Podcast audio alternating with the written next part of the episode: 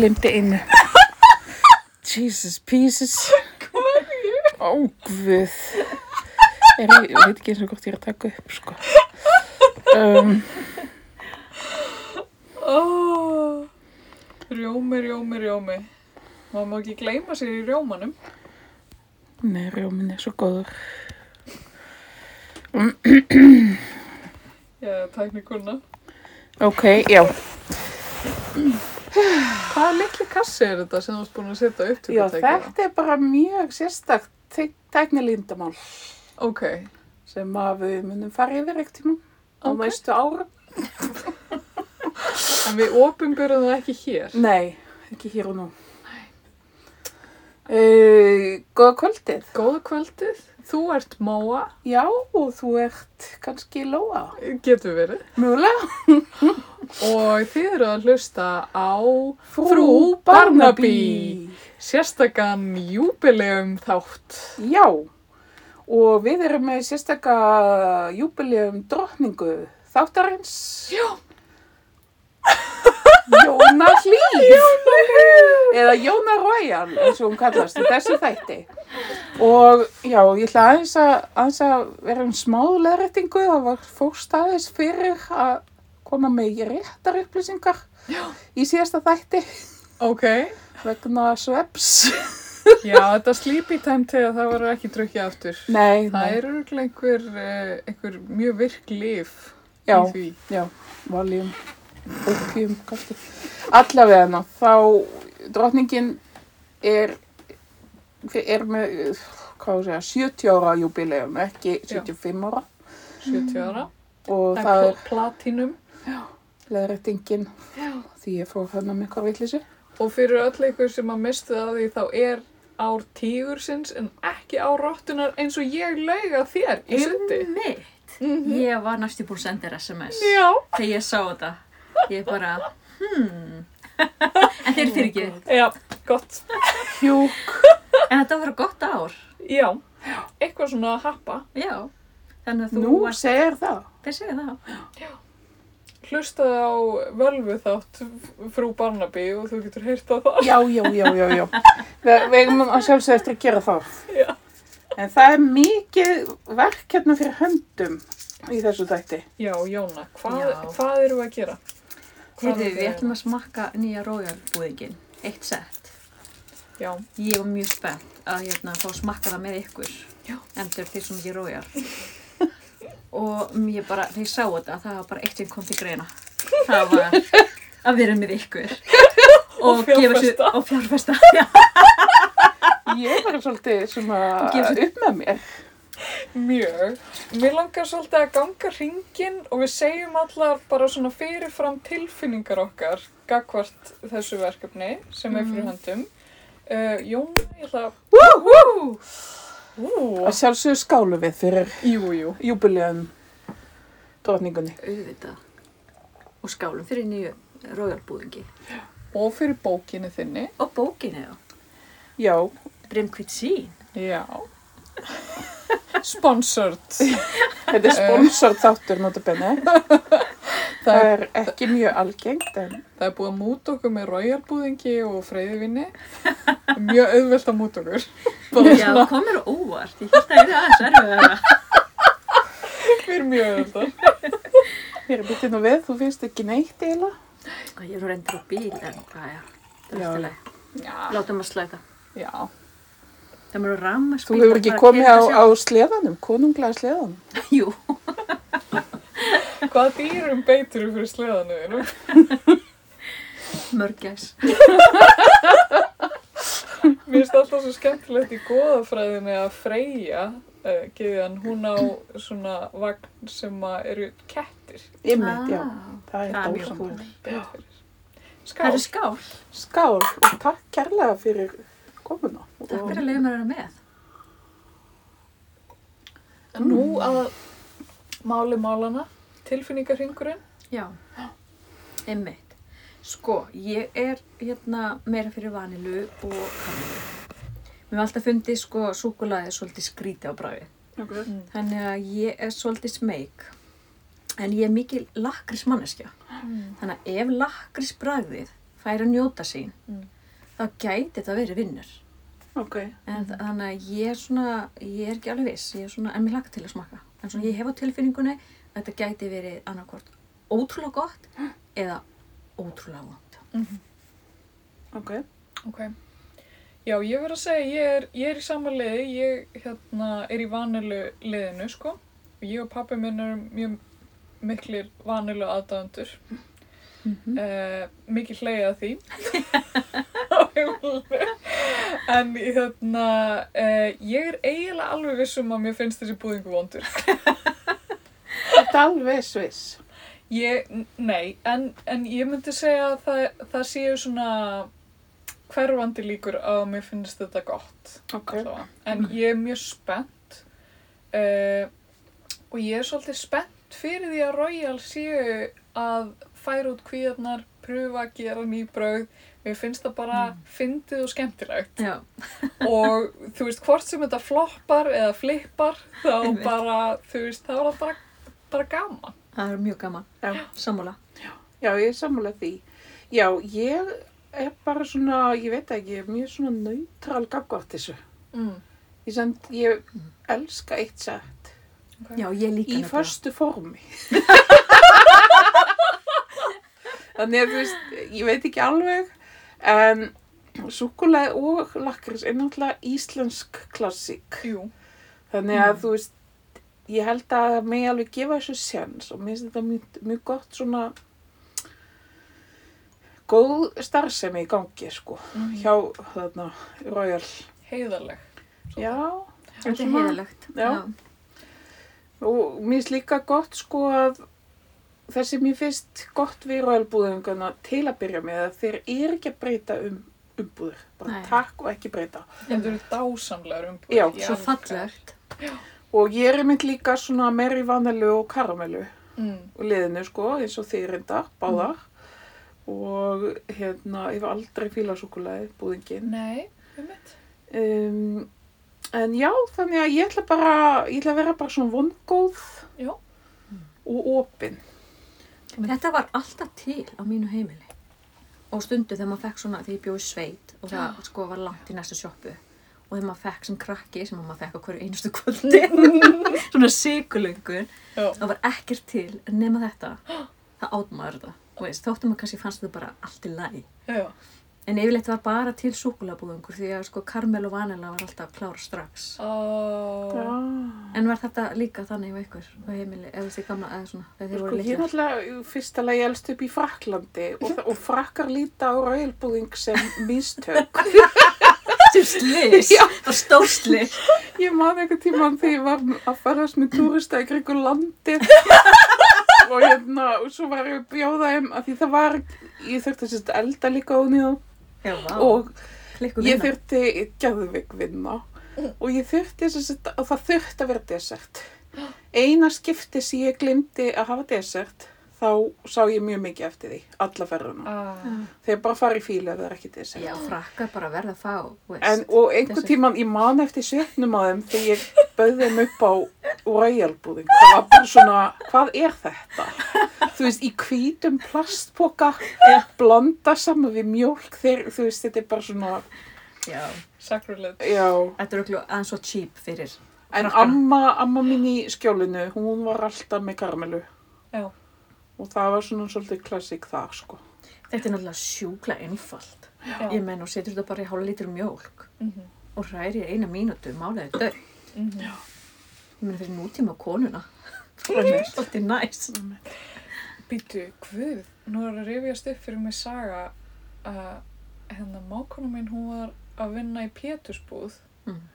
uh, og það kom einhvern tímann inn mjög svona dodgy karakter uh, og keifti uh, lítra af mjólk Mm. og royal pudding og svo, ég man ekki hvort hann drakka þess af mjólkinni heldi svo búðingstuftinu út í fernuna og bara hristi og svo drakka það fyrir framann hana Oh my god, þetta hefði nú getur verið gjörningu. Já,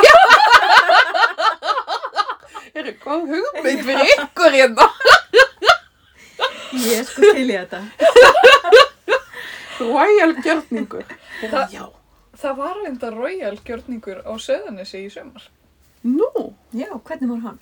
Það er hérna pastel. Þau koma alltaf og lesa hérna, upp á verkunum sínum einu sinni á, á sumri í Söðaneshúsi. Og hérna, það er alltaf mikið gaman þegar þau koma og hérna, uh, mikið hlegi og mikið borðað og eitthvað. Og hérna, þessu sinni komi pastel með desert sem reyndist vera royal búðingur. Ok. En e- eitthvað, e, við erum sem sagt með gestavinustofu á sa, uh, sama tíma, þannig að við vorum með tíu listamenn, þau voru eitthvað svona si- eh, sirka jafn mörg og hérna, og það er sem sagt uh, hófst einhver keppni, skúltúrkeppni, Mm. Milli aðila og Pastel gerður sem sagt notuð royalbúðingin til þess að gera skúltúr innsetningu Ok. vá. Flott. og það var geggjaverk og hérna og þau sem sagt það, það eru svona grjótnullungar uh, fyrir utan safnið Mm. í svona hrúi Já. og þau fóru þangað búin að blanda, ég held að það hafi verið súkulæði royalbúðingur Já. og heldu í svona dældir í grjótinu Vá. og letu sko búðingin setta, þú veist, í grjótinu Vá. og svo, svo gáðu okkur öll, öllum skeið og við vissum ekkert hvað við vorum að fara út í og svo vorum við eitthvað að klöngrast þannig upp í þessu grjóti og borða rauðjálbúðing upp úr Þetta er flott. Eins og Ok. verið bara að borða drullu. Já Þetta var geggjað Já, flott. En hérna, Er En var þetta til heima hjá þér? já, svona í sennu tíð sko Já. En ég, ég og pappi sem sagt í vanilu liðinu við hérna tókum upp á því að fara að kaupa þetta á og til Ok. og sem unglingur þá var ég ofta að gera mig svona Já. og hefður ekki geta borðað þú veist bara ein uh, heilan pakk, eða skilur Einmitt. Já. bara fannst þetta geggjað en oftast reynda gaf ég honum með mér sko Settur þú bara mjölk eða settur þú 50-50 mjölk og rjóma? Ó, ég veist ekki að það væri gerir það?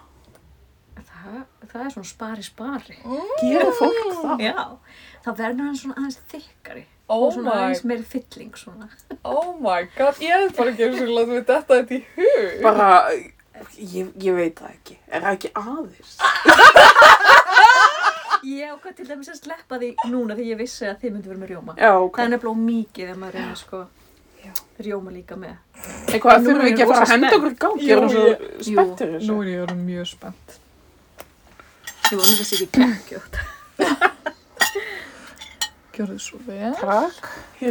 Bara, já, þú er eiginlega mynda að taka þetta. Ok, ég ekki það Ei, þú er að. Bitur, bitur, bitur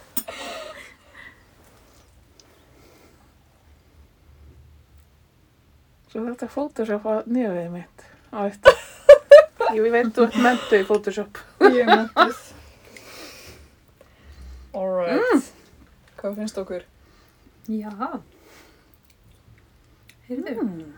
Hefur minnst þetta ekki slæmt? Nei, kemur smá svona lakris eftir bra. Já, fyndi hvað það kemur í eftirbræðinu. Mm. Mm. Róða með smá skríti svip. Já. Minnst þetta bara svolítið gott. Já, minnst þetta ekki ógeð. Ég myndi ekki Sko, minnst þetta rjóminn verið að hjálpa til. Hérna. Rjómin er að hjálpa Já. til. Hann kemur sterkur inn. Klárlega. Mm. Já. En sko, ef ég tek svona án rjóma, ætla að pröfa það. Mm Já, Svolítið þá, bræðstært. þá er ég einhvern veginn, Svolítið skríti. Mm. En ég fæ ekki svona, ég fæ ekki tilfinninguna að ég þetta sé eitt sett.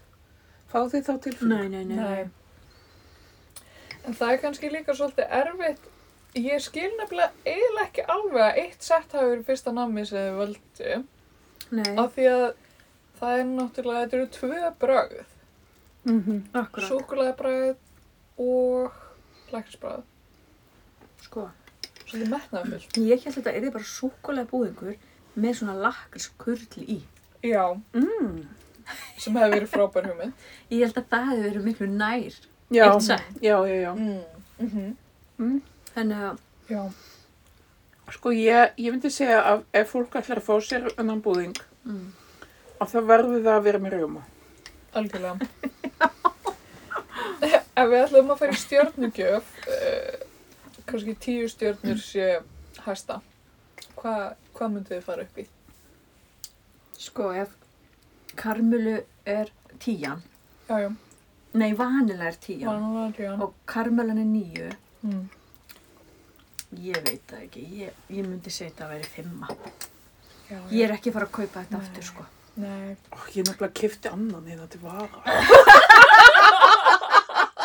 Ef þetta væri rosalega gott.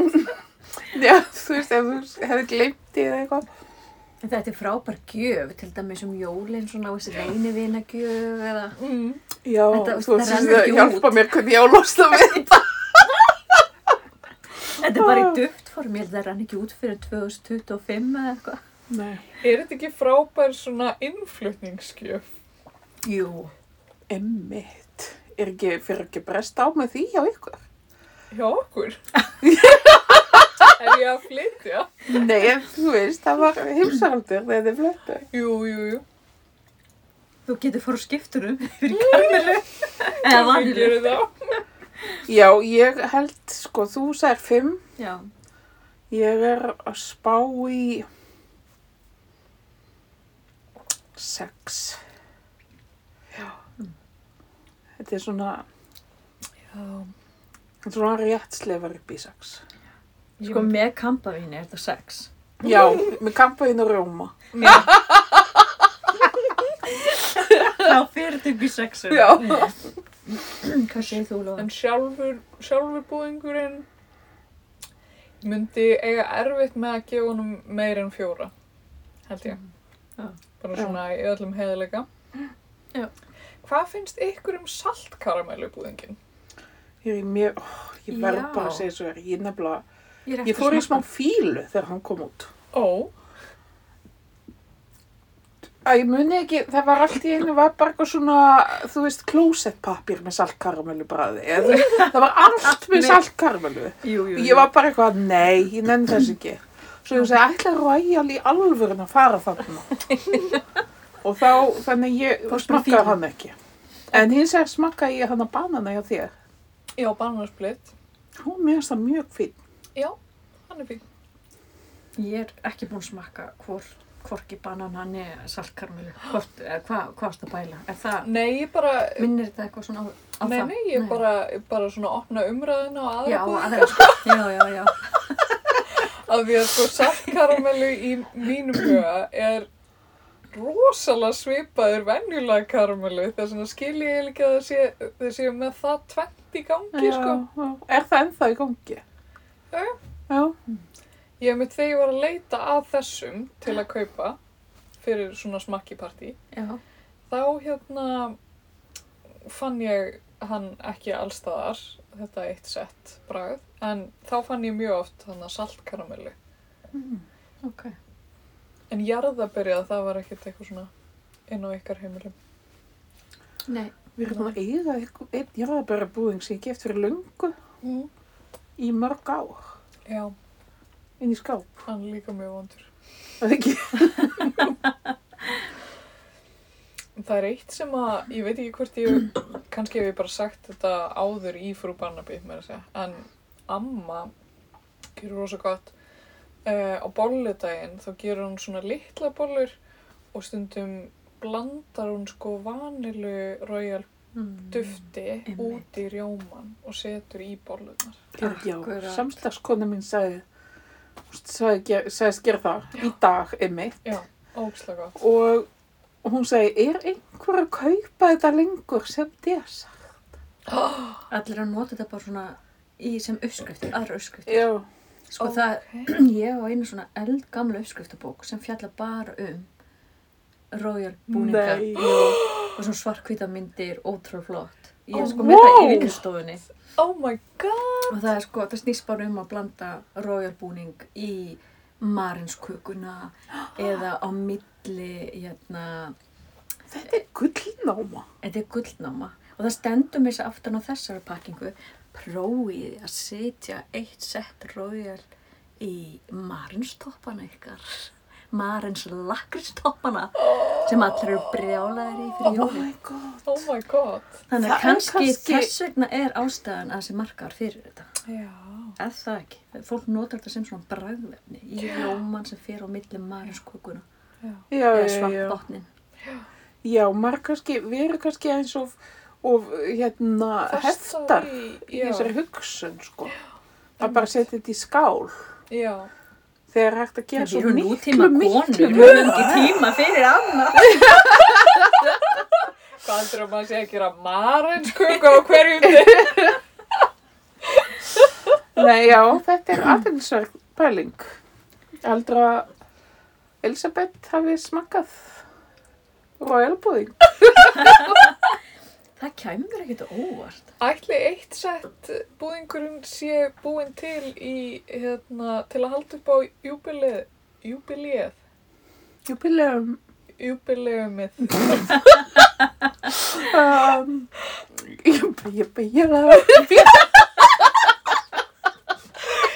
Getum við gert einhverja tengingu, Elisabetta, við þennan búðing, þú veist, finnum við fyrir henni í, Já, ég veit það ekki. Hún er svolítið svo eitt sett. já, Hún er alveg svona, hún er svolítið fullkomin. sæt og bitur. Bæði, Svona bæði, gott vond. já, svona köld en samt líf. Já. Já. Já, nei, ég veit það ekki. Mm, Ég elska Elisabetu, með svona ótrúlega flott típa. mm. Hún er alltaf fyndin. Nákvæmlega sást þetta. Já. Eitthvað, oh, I don't matter. Er ekki fara að koma nýr þáttaru, þannig að Queens? Heyrðu, jú. Crown. Já, Crown minna ég. Get ekki beðið. Jú. Ég er, já, áttu hún ekki að fara að koma núna eftir jól? Ég held það. Ég held hún átti að koma fyrir jól, en það er bara að senka. Hún kemur allir á þessu ári. Hún hérna Imelda Staunton. Hún ætla að dráma. Lilla. Já, já, já, Ha? emmitt. Imelda Staunton. Já. Hefur þú séð Harry Potter? Mm. Hún er hann að... Er hún að fara að leika? Já. Ú. Sjá, Potter. Ég, Þetta ég, var svona millennial hérna, setning þáttarins. Börnum mín eru að horfa á mjög mikið Harry Potter núna. Sko, börn í dag horfa líka á Harry Potter. Ég veit, ég horfði á það með bönnunum mínum. Hún er nú þessi. Manstu í bleika þá er hún í Harry Potter. Já. Ég held að það getur verið alltaf gott fyrir. Já, ég held það líka.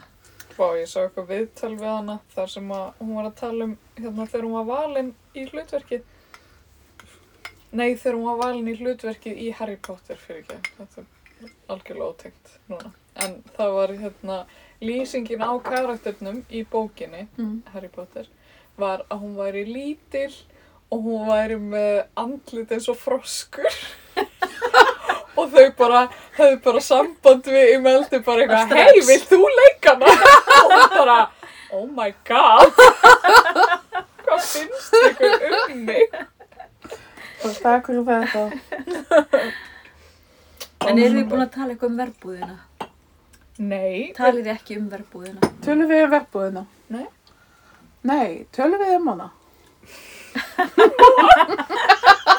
Hvar ert þú? Ert þú að í fylgjast- verbúðinni? Eru þið að fylgja, fylgjast með verbúðina? Já, já. Og hvernig, hvað finnst Ég þér? sko, Mér var svo þátturinn erfiður sem að var núna á sunnudag. ég, ég er að horfa á þetta einn, vegna þess að Arnar neytir að horfa á þetta. Nú, akkur ég.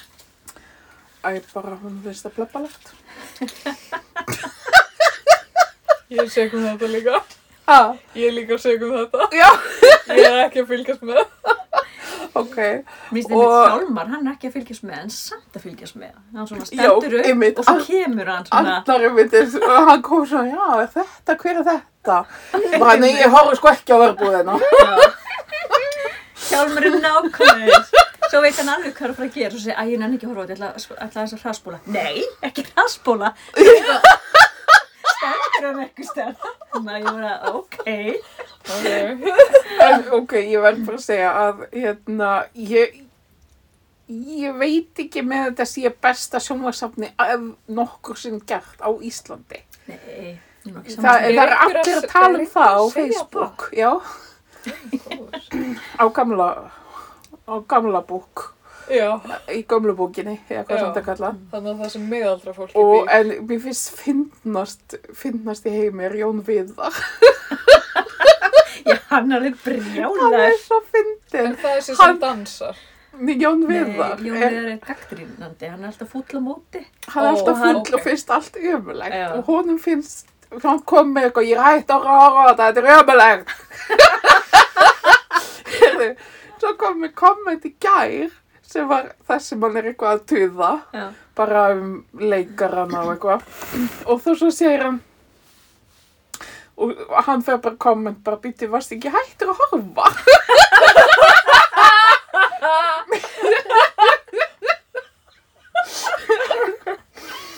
Heyrðu, ég var einu sinni í leikhúsi og hann satt við hliðin á mér.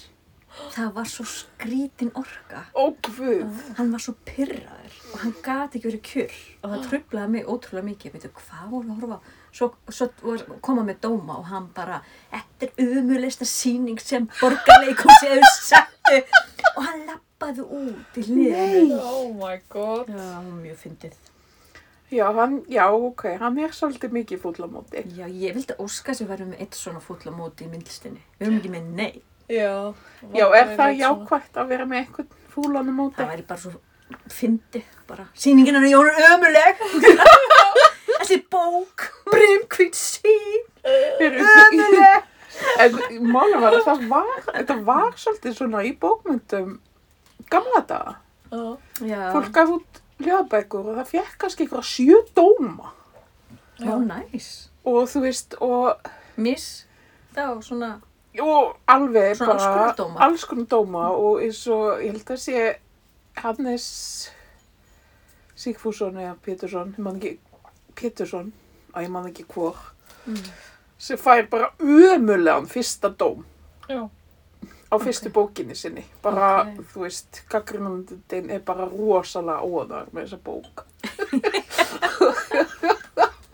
það var dásalegt en það er mitt ekkert svona lengur í dag heldur bókmynd nei. Nú er ég svo hrætt um að vera alltaf að segja það sama í þáttunum. En ég... Þegar við skulum vera þátturinn sem endur tekur sig Ok, já.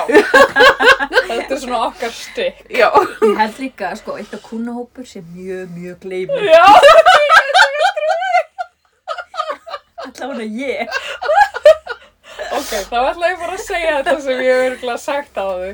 Þegar ég heyrði einhvern tímann að Stephen King, held ég að hafi verið Stephen King, nú er ég örgulega bara að ljúa eins og vennilega, að, hérna, að hann reynir alltaf, reyndi alltaf að vera byrjaður á næstu bók þegar að síðasta bók kom út.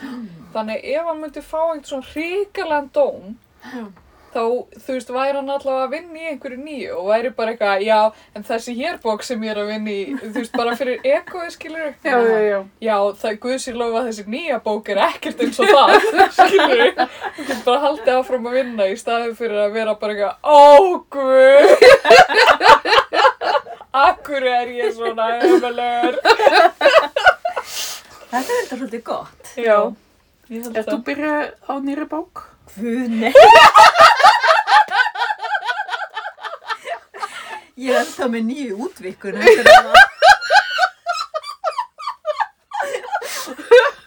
Þeir láta þetta ekki gróa fyrir. Sko, ég verða... látið sauma, sko. Já, ymmit. Þetta var svo illa farið.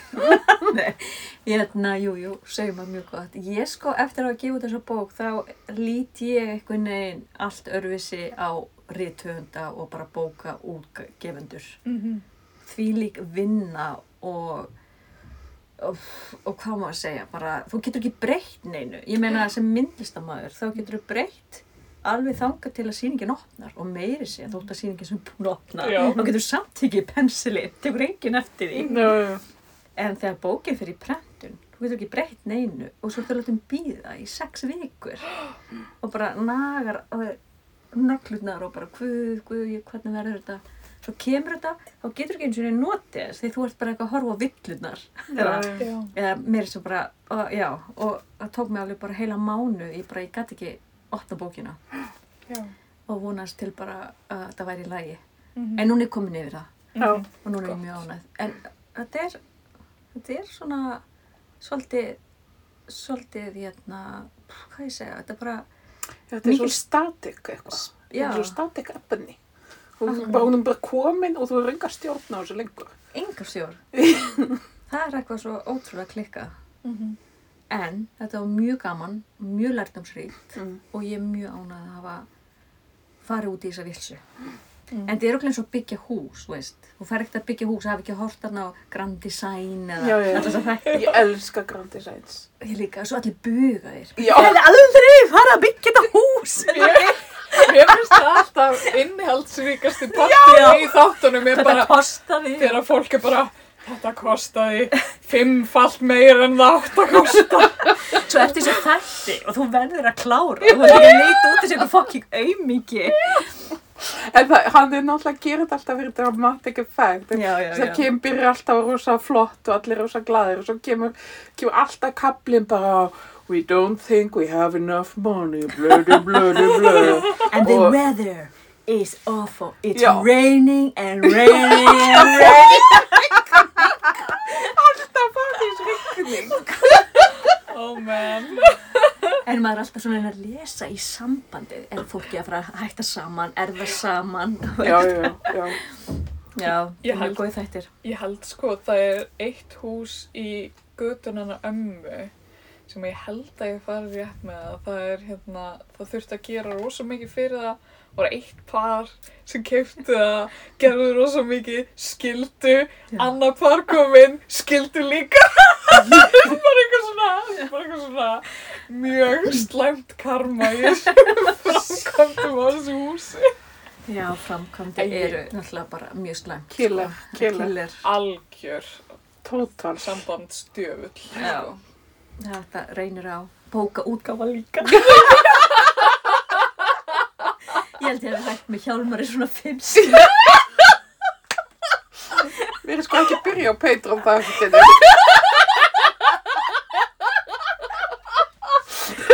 Og hvað sagði hann þá? Það og meira í Patreon þetta. Já, mjög spennandi. Oh. Starkir yfir stundum upp í framkvæmdunum þegar ég sagði við hann Ég trú ekki að þú sért ekki sammála með.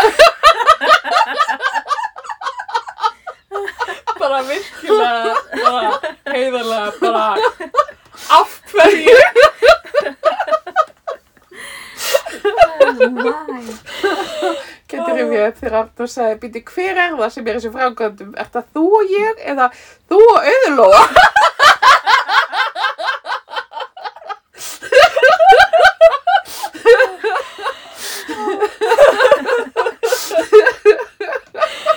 Það voru nú góði tímanir. Þegar við vorum í framkvæmdum. Já, já, já.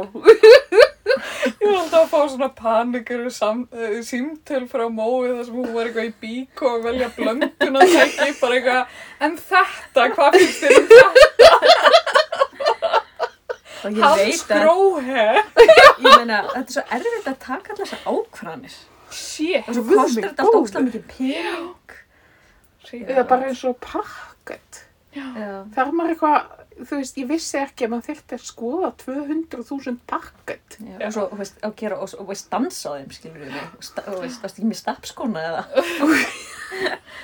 Já. Ég er, veit. ég er ekkert eitthvað að horfa mikið á pakketi núna því ég er, það er komið. nei Nei, nei, nei. En ég hef svo margt í bóði. Já, Ég þarf að taka baðherbyggið, já en það, ég er einhvern veginn alltaf að fresta því. Út af því að ég veit ekki hvort að sambandi mitt þólir það. nei, ég er að grínast. Hvað langaði að gera? Á baðherbygginu, hérstu með einhverja Já. baðherbyggistrauma? Já, nokkra blöyta drauma. Vonandi ekki of blöyta Nei. Sko, stundum langar mér að vera rosa crazy og hafa bara allt svart eða allt bleikt eða... já.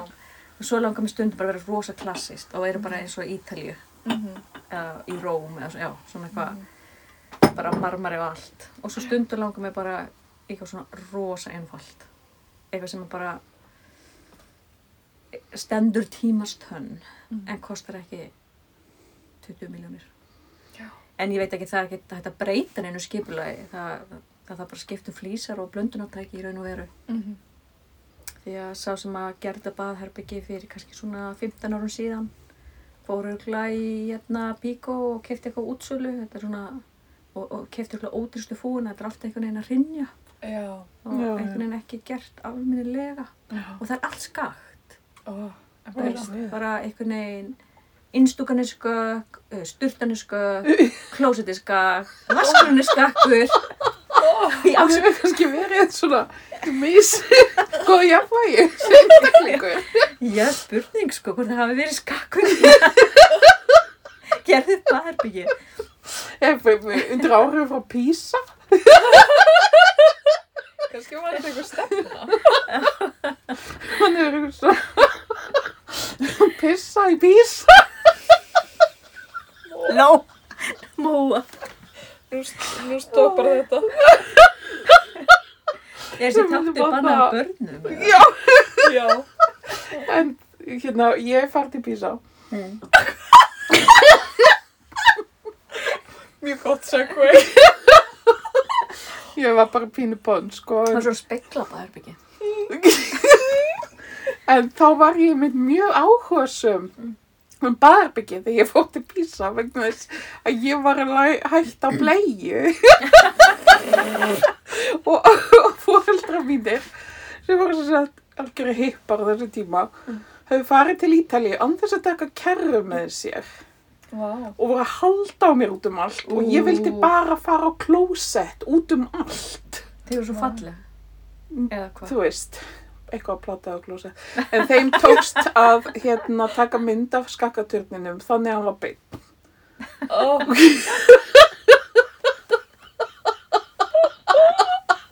Og svo leiður þetta svona. Já. Myndavélinu. Já. Já, hver gerir það ekki? það er núkslega að fyndi.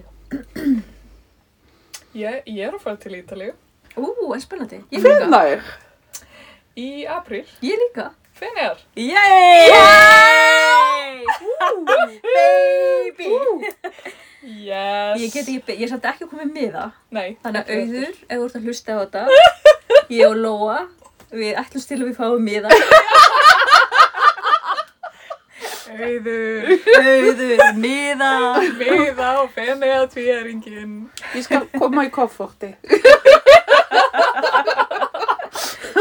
Ég er svo spennt. Já, Ég spennt get líka. ekki beðið. Já, það er náttúrulega svo spennandi að komast á þessu landi Oh Já. my god. Og Það er ég ekki svo bara sól. mest spennandi Jú. Ég bara stundum líka bara í lítið speil og bara sé mikið, ég bara glær. Ég bara, veist, ég, var, veist, ég var svo mikið í Reykjavík senst og sumar og það kom ekkert sól. Nei, Mm. það kom ekki svo Og veist, ég meika ekki fara þarna norður eða austur, ég nefndi ekki fara í síldatunnu þar sem allir voru einhvern veginn Já. að tróðast. Nei. Þannig að ég er bara búin að fá sól í tvö ár. Hvað með brúnku krem? Dæti mín að nota það mikið Já. Já, ég ég er ekki... Þá er ég meira fyrir Royal, sko. Það er ekki henni hana. Þá getur þú fengið smá róða í kynna Nei. Já, ég er ekki búin að fara til útlanda síðan um páskana 2019. Jésús Þannig að, Það er bara skrítið þú sést ekki búin að skjóta rótum já, svona næstu það, þú veist, þegar ég sest niður í sófa, þú veist, þá bara svona, get ekki staðið upp. emmitt Og svona litlar, Mér finnst þetta, mér finnst þetta ræðilegt fyrir svona ungt fólk. Ég er ekki eins og grínast í alvörunni. Þú veist, hvar voru við þú veist, á þegar við vorum 29 ára, í útlöndum Einmitt, maður var bara á Interrail eða, já, maður var mjög mikið maður var bara ekstra fullur í útlöndum langar að vera það, er það sem maður þarf að gera þegar maður er ungur Ég segi það. Ég myndi sko, Það búið að hérna, taka æskuna frá mér. já, þá kostaði náttúrulega flugmiðan bara 5 úrskall. Já. Það var fyrir hrun, maður Mm. bara skrapp til Spánar eða, Mm. eða Fraklands og svo, veist, þótt að maður einhvern veginn mætti upp á flug og þetta bara, nei, flugið þitt á fyrir viku síðan. Þá sagði maður bara, ok, ég kaupi bara nýja miða. Þess að því að Hjálmar kom til okkar til Berlína. Nákvæmlega. Var það ekki fyrir flug? Æjú, Jú. það var 2005, 6, Já, 6, hann fór eitthvað mis á miða. Hann mista flugvilinni Ok. og ég mun aldrei gleyma þessari stund vegna þess að við vorum eitthvað, við höfum tekið það ákverðin sem ég skil ekki og Mm. mun aldrei gera aftur. Og við, við segðum við Hjalmar sem okkur finnst og fannst vera pottjéttasti maður sem við þekkjum. Og ég sem bara, já þú vaknar það ekki bara sjálfur og fer að stað. Já. Og hann bara, já, já, ekkert mál. Svo vaknaði klukkan sjö. Ertu ekki að djóka? Drengur, þetta út í rúmi. Það var, sko, það var að hann, ertu ekki að djóka? Já, ok. Ég held að það varst þú sem. Nei, hann sagði þetta og með svo miklu, ég kann ekki að herma eftir því, með svo miklu norrleisku reym á ganginum, ertu ekki að djóka? Og svo, sko, hljópa hann út og sagði okkur svo setna hann hefði farið á rangan lestapall og farið í öfuga á That's story of my life, stelpur. og svo kom hann aftur, það er svo sett mista flugvillinni bara um nokkra tíma. Oh my Hann, er sko, hann, kann, hann getur ekki ratað. Hann er sko nýflugt til Reykjavíkur frá Akureyri og vorum að leina íka eins og fólk gerir þegar maður er nýflugt til Reykjavíkur. Og hann keiriði alltaf vitt svo á. Og ég var alveg bara svona, má ég ekki bara keira? Nei, ég ætla að rata sjálfur. Þegar sýsti mín gifti sig, og ég segi, já þetta er hérna bara í Östurbænum, hann fór í Vesturbæ. Hver kom tími til að segja? Það er alveg bara svona, ég man líka voru með rósku áttamána og ég var að sína í Berlín og ég var alltaf með kortið og, og sáum að, rata og svo einn daginn það langaði mig bara að fá pásu og ég bara, æ, en þú ekki bara sjá um þetta er, ég hefði ekki átt að gera það. Og þú ert líka bara með einhvern veginn áttamána gamalt barn og kerru og við fórum alltaf ranga, og veist, vilsa átt. Ég er bara eitthvað, hann getur þetta ekki. Bara, Því talandi sem svona manneskja sjálf, já, þetta er, þú veist, þetta er ekki spurningum að, að þú veist, tak, eða þú veist, að því að oft eh, heldur fólk að maður sé að reyna þetta. Þetta er ekki, þú veist, það bara, það stundur bara, er það ekki hægt?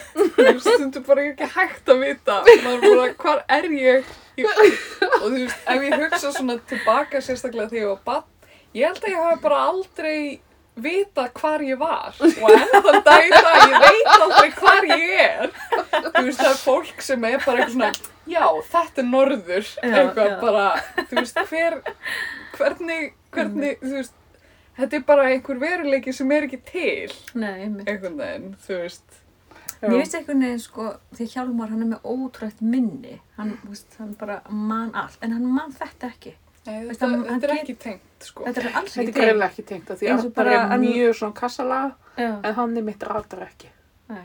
En það versta er samt er að ég segi, ég segi við hann, spurðu bara eitthvað og hann fer að spyr eitthvað, svo kemur hann tilbaka, hvað hann? Ég veit það ekki. að hjálpa mér heldur ekki ég verða að segja það er bara eitthvað svona það ferði þarna og hinga og þangað og, þa og þá var maður bara orðin ennþá rugglað þetta, þetta er mitt prinsip sko í göngunum fyrir norðan. Það er oft verið að segja manni til vegar eitthvað hvernig maður á að ganga eftir, eftir kindunum og það. Já, og þú veist, það er bara eitthvað svona að reyna að ná því í fyrstu og bara ekki spurja bara reyna að gera eins og hinnir og bara, þú veist, passa skilja ekkert eftir en bara, þú veist, ef maður fyrir eitthvað að spurja þá er maður bara að vekja einhverja illa anda anda.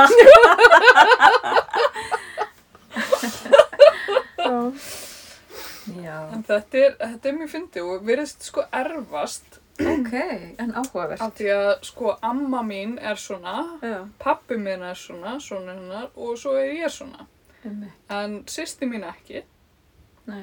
Svo þetta er kannski svona 50-50 líkur. 50-50 líkur ég sé með annarkvort barnið mitt sem að mun ekki er að Ég held ég viti hver það er. Nú þegar. Hver er það? Það er orri. En versta er að að hérna Vester að hann tók sér líka upp að mjög ekki hvað fólk heitir Ó, nei. og það kemur frá mér. Ég er einhvern veginn bara, ég, ót, ég man andlit ótrúlega vel en sko ég ruggla nöfnum endalust saman. Ég er okkur eftir að kalla þið móu og þið lóu setni kvöld sko. Það er allt í lagi, sko. Við Þeir eru notast allavega ekki. Já. Við erum bara mjög sáttar. En það er ótrúlega fyndið að vera með Hjálmar í bíl og hann er ekki að rata og maður er svangur. Það er svona moment Það sem er að, ekki gott. það er ekki gott moment. og bara, hvert er þetta fara? bara, róa þig, ég er bara að fara á mína leið. ég veit komast heim til mig. það er svo ótrúlega gott. Ég skil ekki okkur ekki búið að gera bara sjómasefni bara um þetta. Starkið er sko, hann er rosalega ratvís sem að hjálpar okkar sambandi bara greatly af því að hann bara ratar og ég bara fylgi honum Næs. en hann hins vegar kann ekki að drífa sig Ah. og þetta kemur kannski úr hörðustu átt út að ég er ekki mjög góð í því heldur en það er einmitt þegar svengdin kemur til skjálana Já. þá er þetta mjög slæmt ástand oft Já. Breytist allt. Það breytist það. Breytist dýnamíkin. Einmitt. Já, sko, talandi um svona tíma, það var líka mjög áhugavert. Ég fór í interrail með vinkunum minni. hvað er þetta að gera? tæknikuna Jóna er miklu lengra frá tækinu Já, ok. Ég var, ég var vonast til að, já, ekkert. ok, halda áfram Allir ákveður hvað er þetta að vera? Það var þarna Hérna Já, ég ætlaðist bara að segja að ég fór hérna á interraili mitt þegar ég var tvítug með vinkunum minni og fannst það mjög góð hugmynd. Þánka til að ég fatt að við vorum ekki á sama tímaplani. ah. Ég vil vakna á mótnana og drífa mig út. Já. Mm. En hún tekur svona þrjá tíma að vakna og greiða hárið og fá sér að borða og svo þarf að mála sig og svo svo þarf að ákvæði hvað föt á að fara og þetta, sko, þetta var hræðilegt. Þetta var svo ekki góð hugmynd. Oh my god En sem betur fyrir við vinkunir í dag og en maður bara veit að maður ekki ferðast með svona fólki. Mm. Það er svolítið, sko, það er svo margt sem breytist þegar maður svona neyðist kannski til þess að búa með einhver vinnum sínum eða, Já. eða ferðast mjög lengi með þeim. Mm. Þá allt í henni bara, já, ég elska þig, en þetta, Já, hér ótrúlandi. Stopp með þetta Mér finnst líka svona annað svona dæmi ég og Hjálmar, sko, ég er svona mannski ef ég sé eitthvað sem ég langar í að bara kaupi það. Já. Hjálmar, hann þarf að hugsa í svona sólarhing. Oh my god og þú ert í ferðarlagi, þá nennir þú ekki, þú veist, þá er ekki tími í það. Nei. Þú nennir ekki að fara á sama stað tvísa sinni. Nei. Það er svo margt annað sem þið langar að sjá.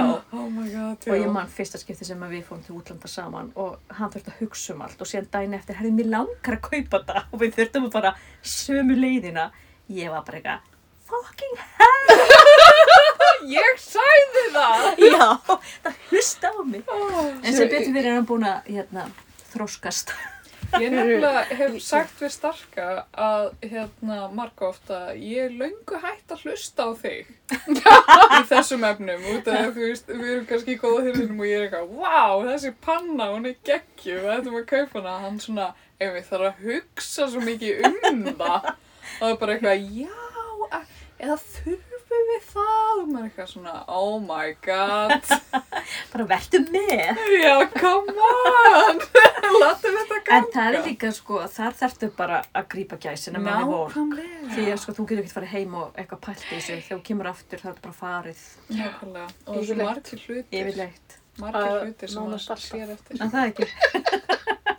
En sem minnum á það að Hjálmar, hann er sigur um það að gera okkur að rittersport fíklum. Já. Já, vegna þess að hann safnar rittersport. Mm. Ég veit ekki hvort það er pappir eða súkulöðum. Bæði. Já, ok. Ég fekk að kynast því, ég var nýbyrju með honum og vaknaði um morgunin svolítið svöng og þunn og bara, hm, hér er nú súkulæði. Ó Svo nei. borðaði ég eitt og bara eitthvað, oh my god. Og leit aftan á var þetta útrunni sko fyrir fimm ára síðan.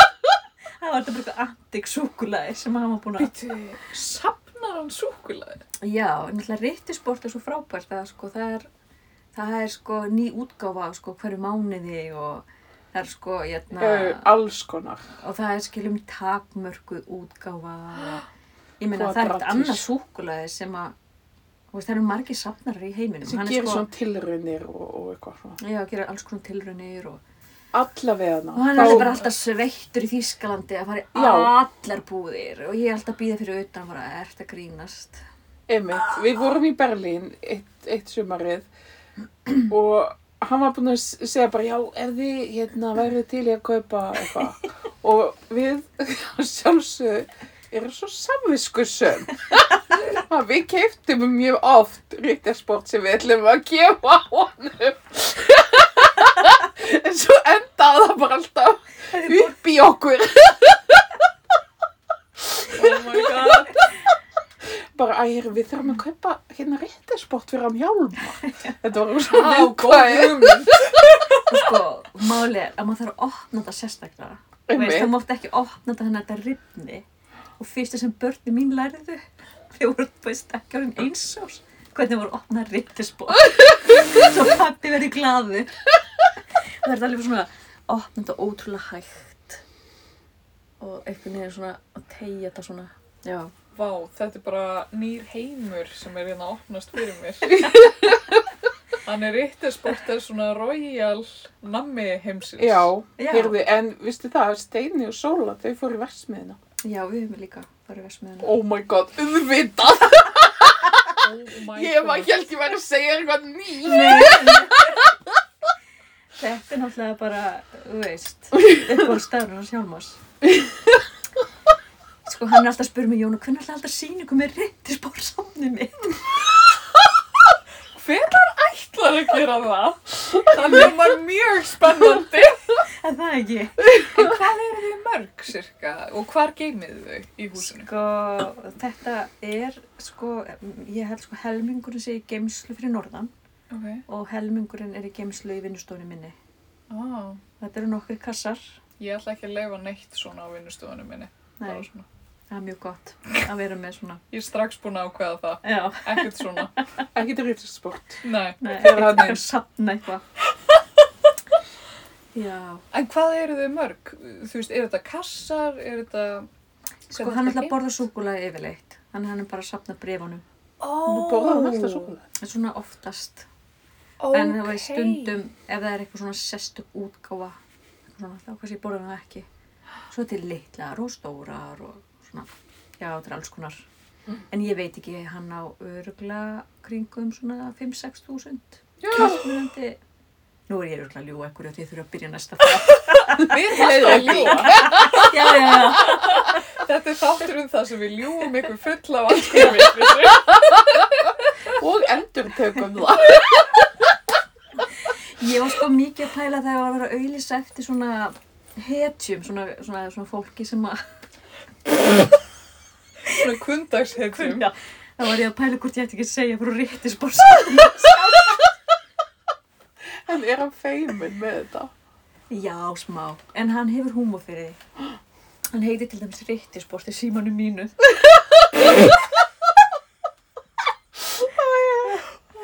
Mér finnst þetta skemmtilegt? Já, þetta er svona, gefur smá liti lífi. Já, já, mitt er alltaf mjög auðvöld að gefa nú líka gjafir. Já. En hérna, mér langa alltaf sko að reyna að gefa nú svona réttisport stand. þar sem hún getur sett súkulegan í. En mér er ekki alveg tekist að fá það. Já. En Er, svona, er það eitthvað svona sér hannað eða? já, svo sér hann að svona réttisport standur. Ríktarsport er náttúrulega ótrúlega, þú veist, þetta er fallegt. Þetta er kvadratis. Mm. Já, þetta er svona kassótt eða ekki? Jú. Og þetta er gott súkulæði. Mm. Svona flest allt. Ef það er ekki útrunni. Hva- Hvað er, hvað er besta bragði? Sko, mér finnst rosalega gott, hérna, saltmöndlur núna. Já, það er mjög gott. Mér finnst líka bara möndlusúkulæði, eða veist, súkulæði með möndlum í. Já. Svona ótrúlega klassist, svona brúnu. Já, já, já. Og svo þetta bláa. finnst hérna þetta bleika, eitthvað jógurt eitthvað. Já, Já. já, já. Hvítt með erdberjógurt. Mér finnst líka þetta er svo þýst. Þetta er svo sjúklega þýst. Það er eitthvað svo ótrúlega skemmtilegt. Ég elska að hönnunin er líka mjög bara þetta er súkulaði Já. sem er inn í þessari pakningu. Já, þetta er uppáldið mitt, þetta hérna. Svo ótrúlega klassist. Já, þetta er minnst það líka mjög gott. Við erum persónuleiti. sama, við, mm, með svona sama teist. já, Er, er eitthvað með pipamyndu, er það Já, já, já, já, það er mjög gott líka. já, Arna heldur líka upp á það. Ok, það hljóma vel. Svo eru þið rosa duglegir að prófa cornflakes eða Já, já, já. þau blanda alls konar svo, saman. svo er alltaf svona sumar og vetrar. Já, þetta er bara svona tískuheimurinn. Já, Það er bara sumar útgáfa, og, haus, og svo var eins og þegar fótboltamóti var, var, var ekki eitthvað sérstætt þá. Allan að voru við á einhverju fótboltamóti. Jú, jú, jú, jú. Þið voru um að safna þessu þarna. Hjálmar hefur bara verið með ykkur í anda allan tíma. Svona vakaði yfir ykkur. Þannig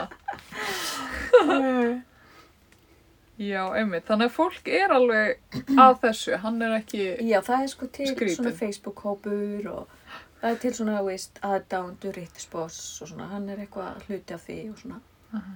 sem hittast örugglega einu svona ári og ég veit ekki. Hann hefur reyndir ekki fór að hitta þetta lið en hann var búin að grafa þau upp, svo betur fyrir hann ekki búin að ganga svo langt. Hann er ekki komin í skemmtinefnd hjá Rittersportfélaginu. Oh, Nei, Ok, mjög skemmtilegt. En það er íslensku félagskapur eða Nei, þetta er alþjóðlegur. alþjóðlegur. Já. Ok, já, vettvangur. En hann ætti kannski að stopna einn íslenskan. Það væri gaman. Ég Móa, meina- þú myndi gerst já, ég, sko, ég veit að Arnar væri alveg pottið til eða. til því að hann myndi, hann myndi aldrei sapna súkur, eða þú veist, þannig að hann myndi borða mikið af þessu. Já. Já, ég tölum um eitthvað annað. Þetta átti ekki að vera þáttur um hjálma. Það vil sann gerast hérna. Ekki hlusta, Hjálmar.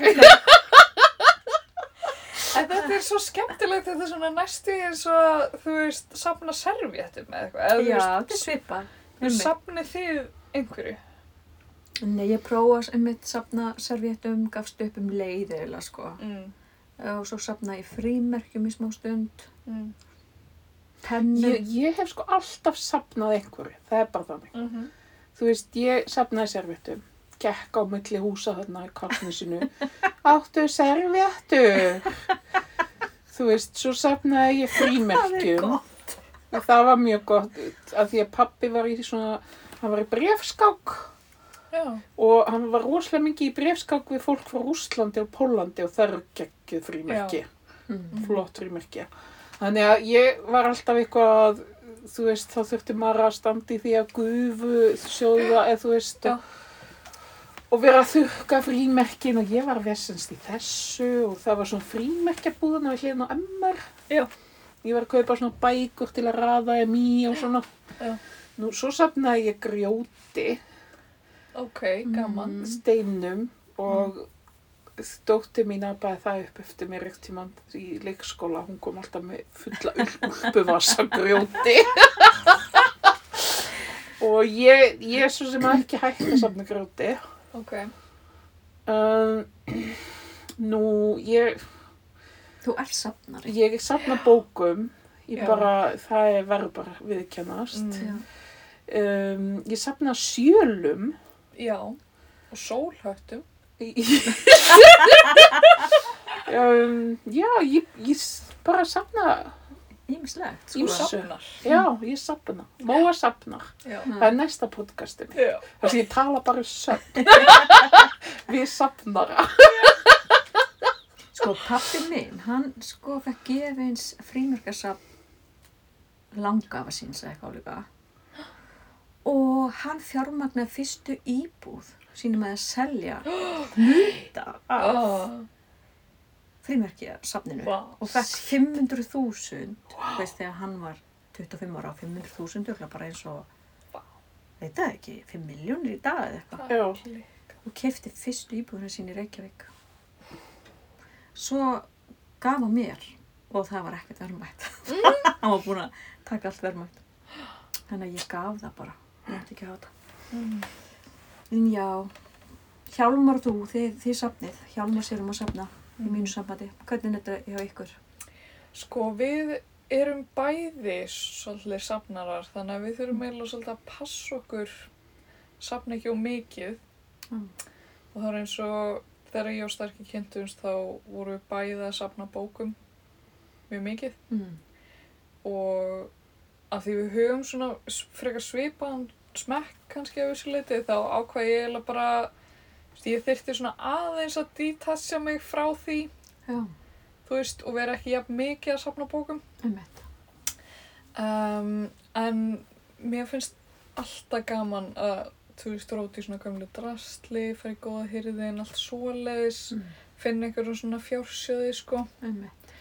Svolítið því um, en ég sem krakki var bara að safna alls konar, safna eitthvað svona stittum og safna servjöttum öruglega í svona 5 sekundur og safna svona litlum steinum uh, þið vitið svona á róluvöllum eru stundum svona litlir steinar Já.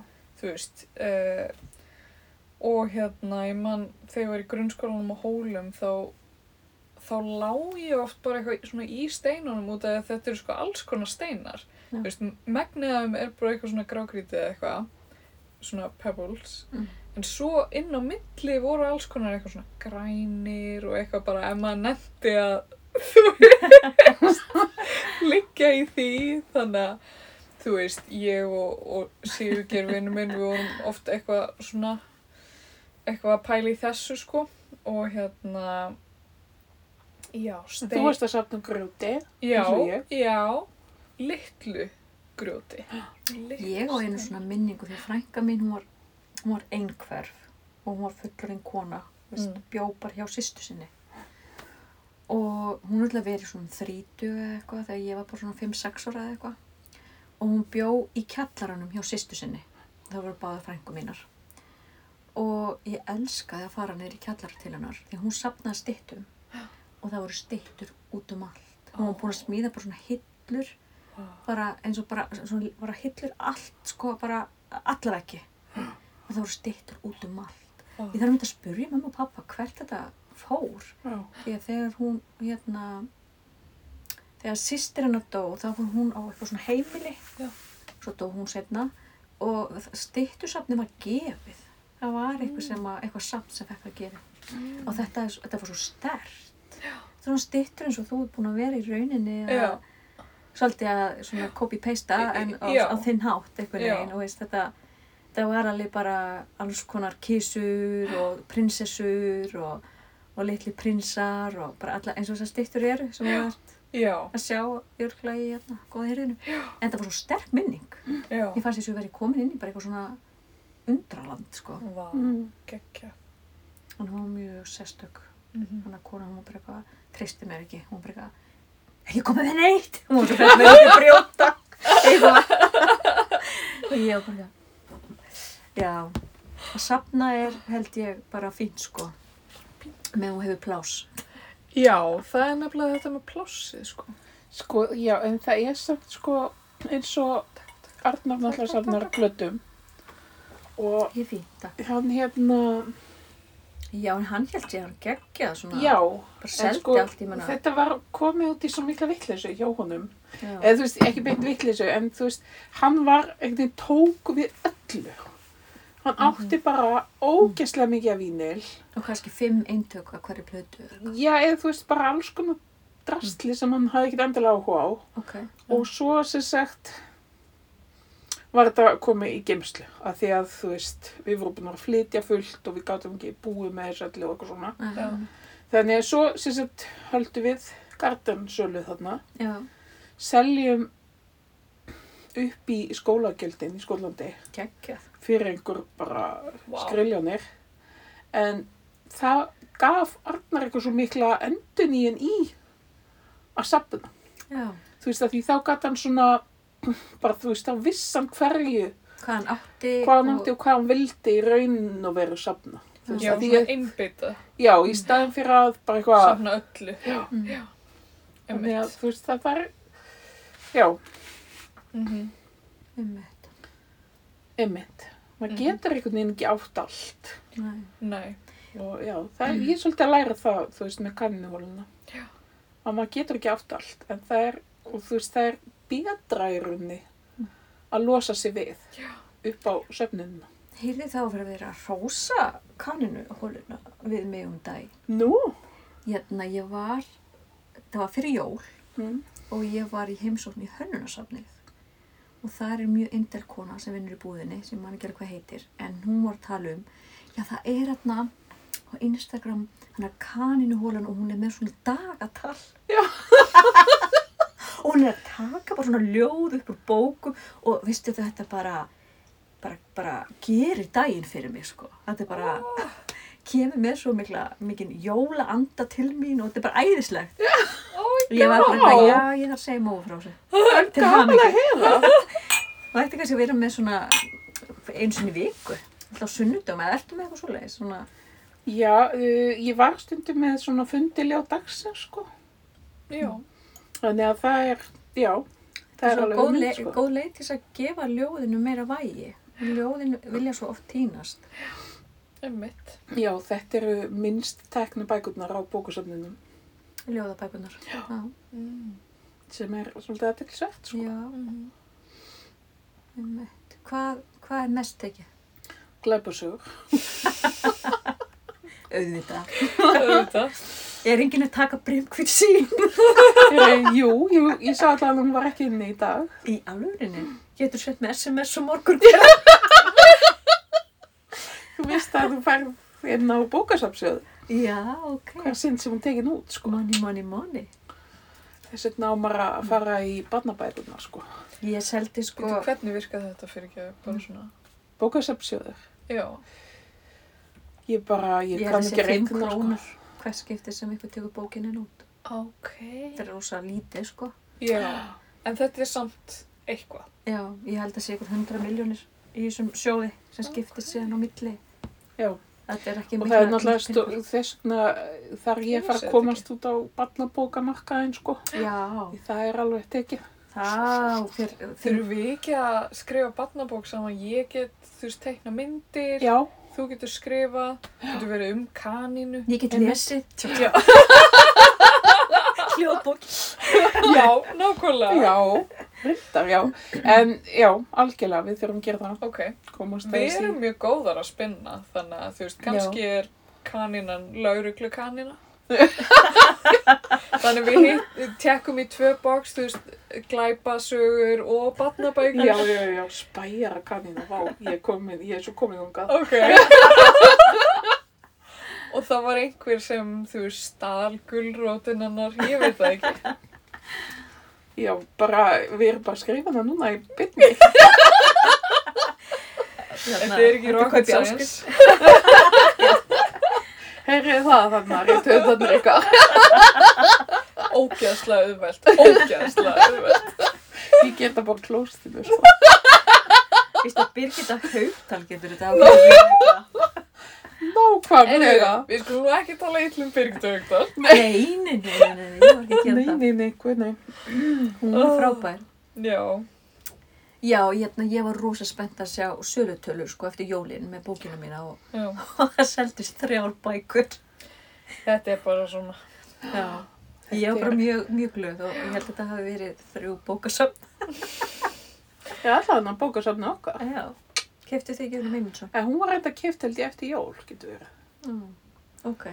Þannig að, Þetta er svolítið að herja bókasöfnin sko, ringja í öll bókasöfn, svona, tjekka á hvort þessi ekki búin að ná sér eintak. Ég er allan að búin að mjólka þá listamenn og vini og vandamenn sem ég þekki. gafst þetta út sjálf? Nei, um, Ástriki, gaf þetta út. Já, þau eru með alveg rosalega flottar útgáður og önni grænuli. Já, Emmitt, þú séð þessa útgáðu. já, svolítið flott þeim. Já, Það er hún Anna og Jóna. sem eru með þessa útgáðu. Nei, það sem þær hafa gefið út. Sko, Anna í grænuli, ég elska hana. Ég veit það, ég líka. Já. Það er mjög flott hjá þeim. Nei, Þær heita Auður og Ásta.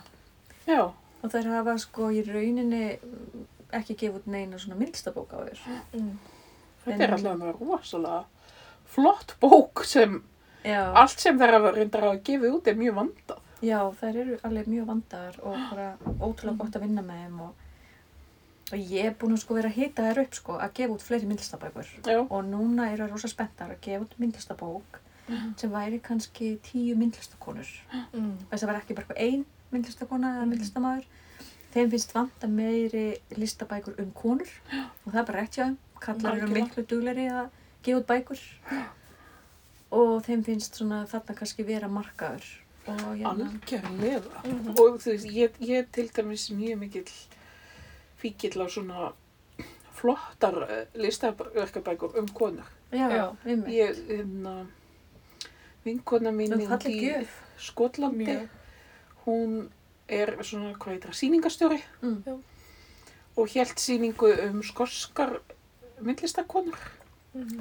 já, og skrifaði bók sem er bara geggjuð. það var hann frábært ég þarf að tjekka þessu, Já, áttana já. kannski getur sínt mér á eftir já.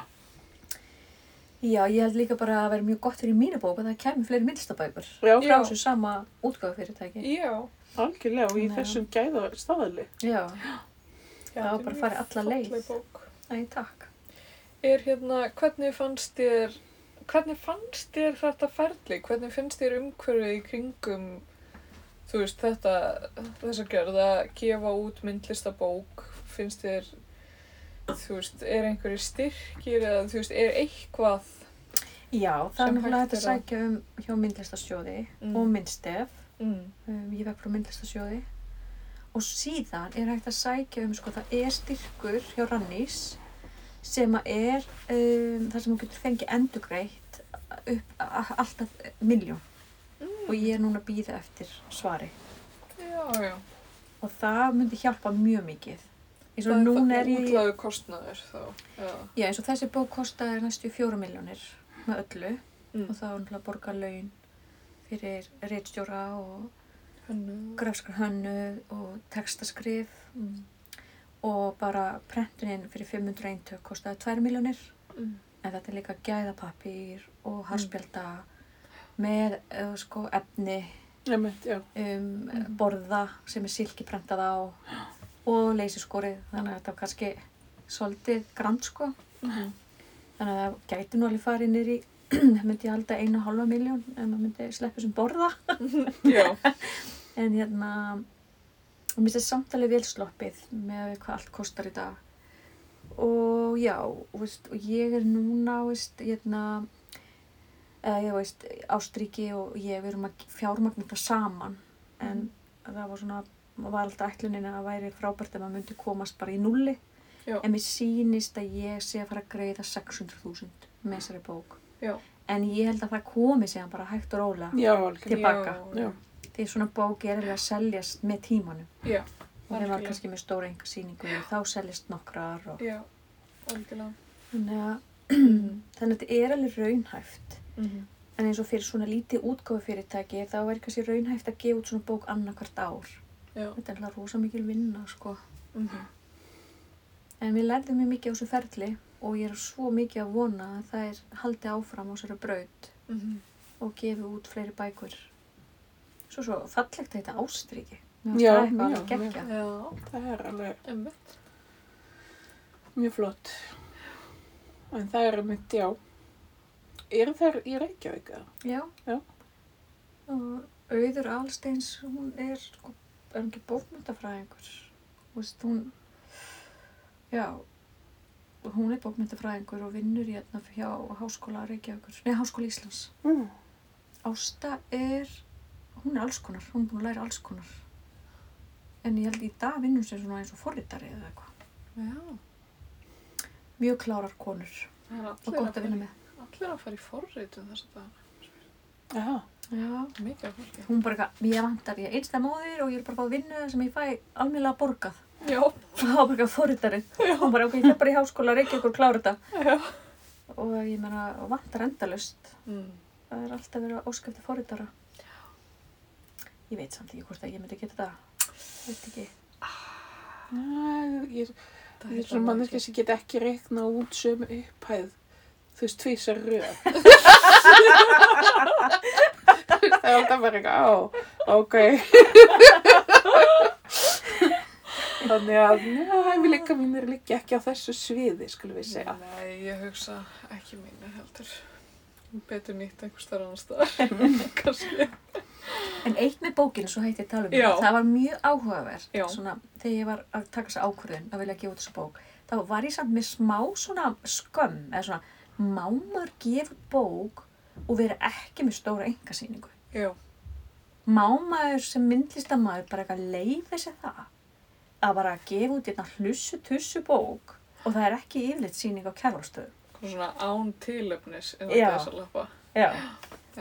og svona það var, mér finnst það eitthvað svona áhugavert að gangi gegnum það og veist, Mhm. ég bara eitthvað, jú, auðvitað má maður það veist. Mhm. þannig veist, mér finnst pingulítið að vera að brjóta svona smá hefð, svona hérna, hefð Mhm. innan myndlistarinnar og ég finn rosa mikið núna svona eftir ég gaf þessa bók, það er rosa margir listamenn að koma til mér og ég er búin að vera á leiðin að vilja gera þetta en einhvern veginn ekki komið í þetta Mhm. og alltaf býða eftir einhvern veginn kannski að stóra tækifæri komi og býða jafnvel eftir bara að safnið hafi samband við mig bara nú ætlum við að hafa yfirlýsýningu og gefa út bók Já, já, já.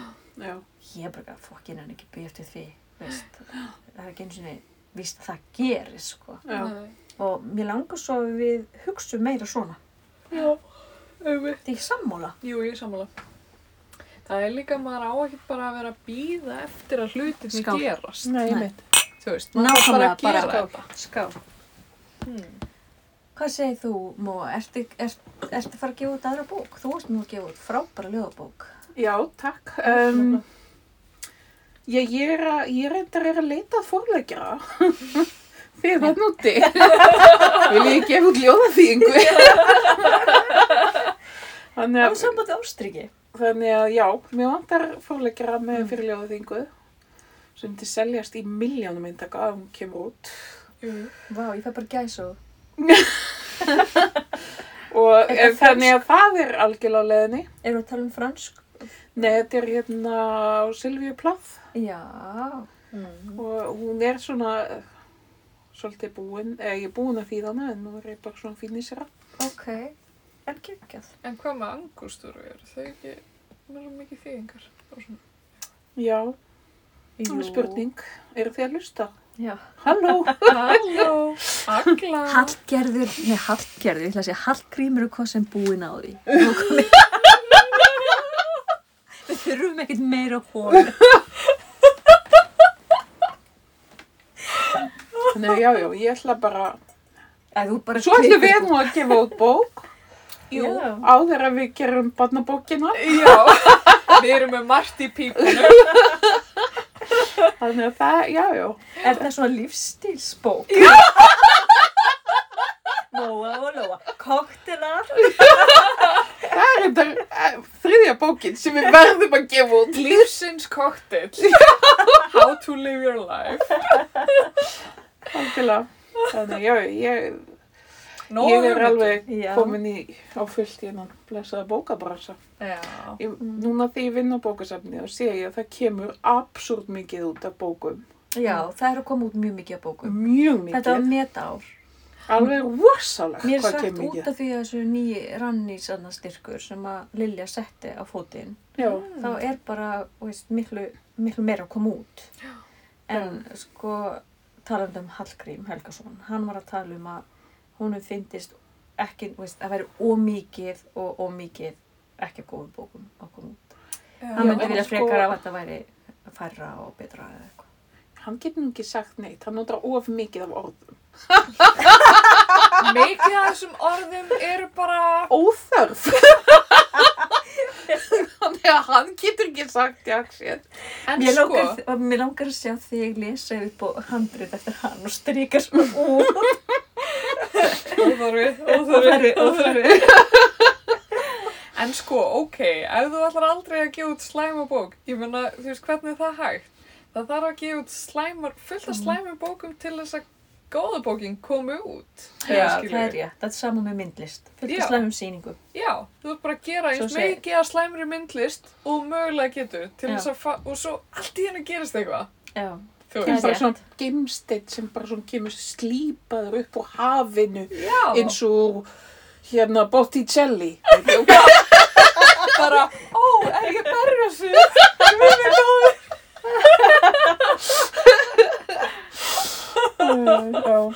Já. annars veit ég, ég hef ekkert vita af þessu bókum sko ég, Mm.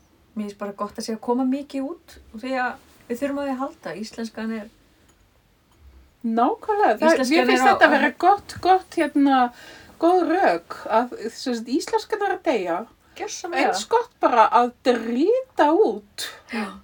Á íslensku eh, lesefni. Þessu, það er alls ekki nú mikið af lesefni fyrir úlinga, Mm. ynga veginn. Og það er, virðist vera að því fólk er bara hægt við að gefa út einhverja lélega bækur eða eitthvað. Mhm. En þú Einmitt. veist, það er ekkert úrval. Má ég aðeins svona tuða yfir íslensku, íslenskunni. Komdu með það. Ég er að kenna núna upp í listaháskóla Já. og í ljósmyndaskólanum. Ok.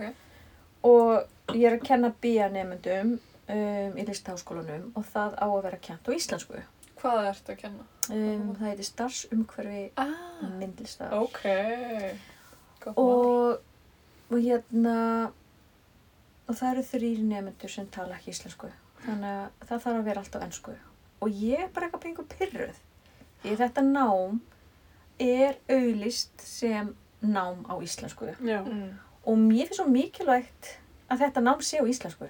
Því að það verður bara betur kennsla. Mm Með, þú veist, samtali fyrir meira á dýftina. Já. Nefnendur eru mun opnar að tjá sig. Og það var svo áberandi núna um, um daginn. Um, það voru reynda, reynda mjög leili mæting og bara eitthvað helmingur sem mættu og þessi eini, eini nefnendur sem var ekki að sk- skilja íslensku fór fyrr Já. úr tíma. Þannig að eftir hlýja þá bara byrjuðu að tala íslensku og þetta bara var miklu betra. Og það leið öllum þannig sem miklu betra. Og mér fannst ég bara miklu, miklu betri kennari. Mm. Þarna... Og svo í ljósmyndaskólanum fyrir ég, þá, þá er einn nefandi sem að skilur ekki íslensku en uh, skólastjórnin sagði, nei við kennum hér allt á íslensku. Og hún vissi það og það, það verður að kenna íslensku, þú mátt ekki kenna á ennsku. Og mér fannst það svo flott. Já. Mér finnst allt í lagi út að kenna mastersnám, það má vera ennsku.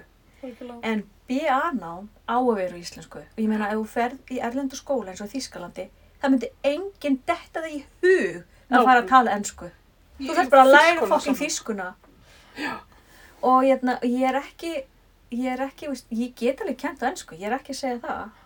Veist, og ég geti, veist, undirbúið mig alveg mjög vel að kenna ennsku. En mér finnst bara nefnendur í BST ekki tilbúinir að læra á ennsku. Og mér finnst bara íslenska nefnendur eigi að geta lært á íslensku. Og mér finnst bara svo mikilvægt fyrir tungumáli, fyrir skilningin og Já, fyrir algjörlega. samtalið. Og þarna skipta sko forsendur og svo miklu máli út af þú veist þegar það er búið að ákveða þú veist eitthvað þú veist að, að nám á í LHI er á íslensku. Já, það þarf eiginlega að fylgja því eftir. Mér finnst það. og þú veist líka á verðingu við kennara að þú veist eins og eins og ég lendi að vera með listamannaspjall og maður fer inn í það eiginlega ekki vitandi hvort maður þurfa að gera á íslensku eða ennsku Einmitt, það er svo miklu meiri vinna miklu af því vinna.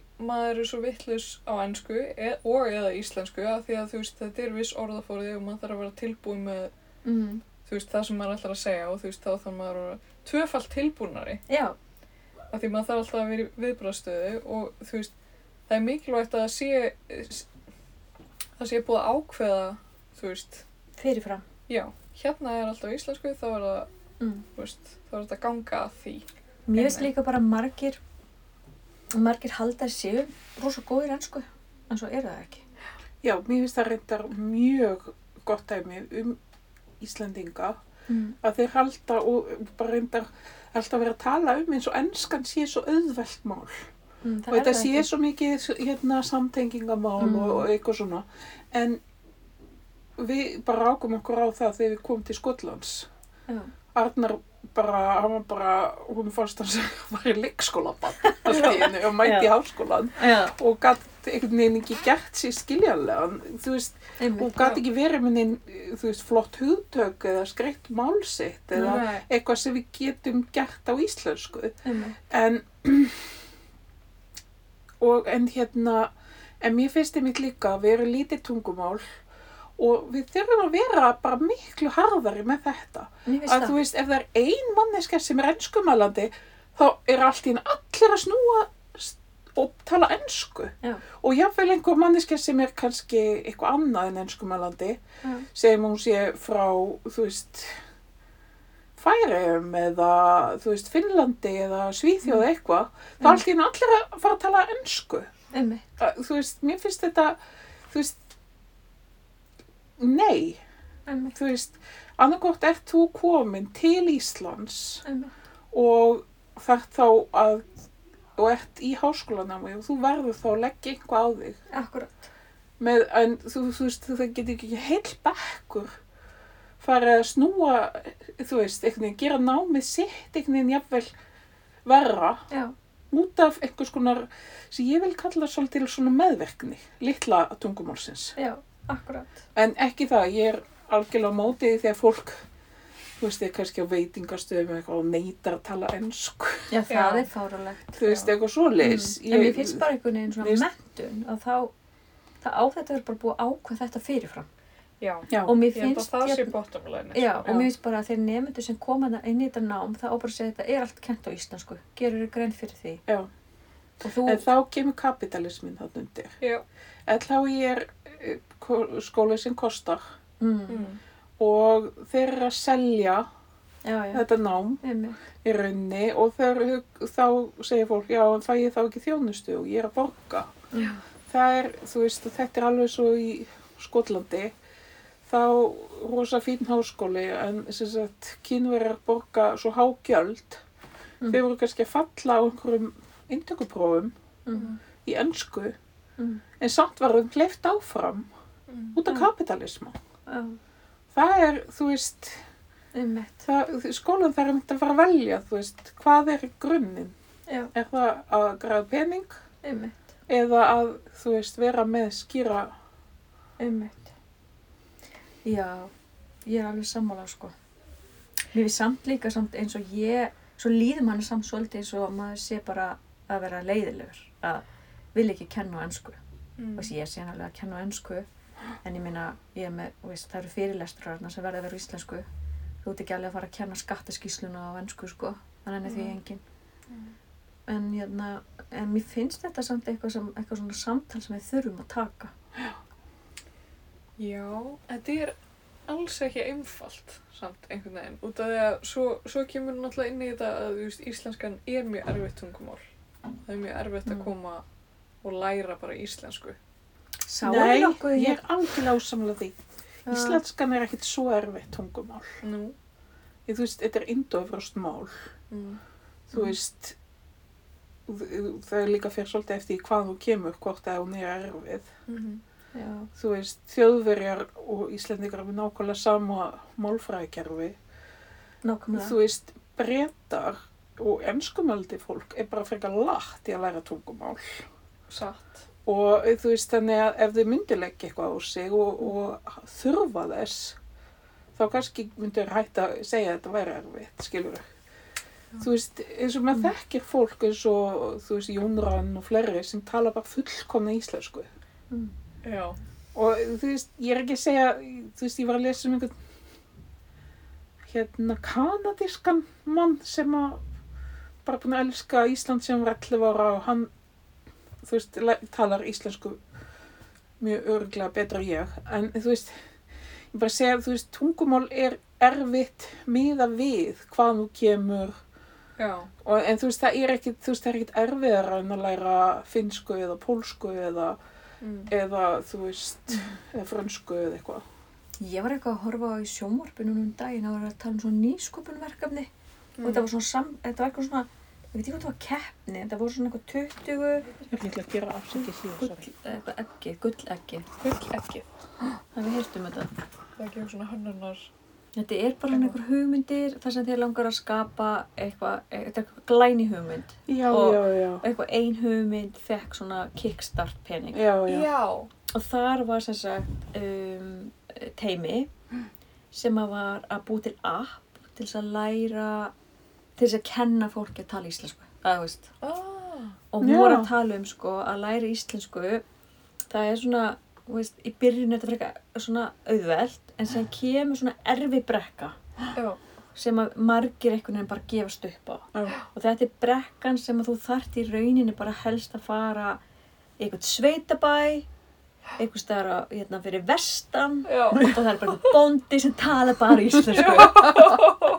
Þannig kemstu upp hennar hjalla. Já, já. En þeim langar sem sagt staðan fyrir að þurfa að senda alla í, þessar- í, á hennar sveitabæ, þá langar maður að búi til app sem hjálpar fólki að Mm. komast upp þennan hjalla. Mm. Og þá er þetta app sem að leiðir eftir þig og þú talar við eitthvað í gegnum svona þetta app. óþólandi app. Nei, vitlaust, vitlaust, Það vitlaust, fall.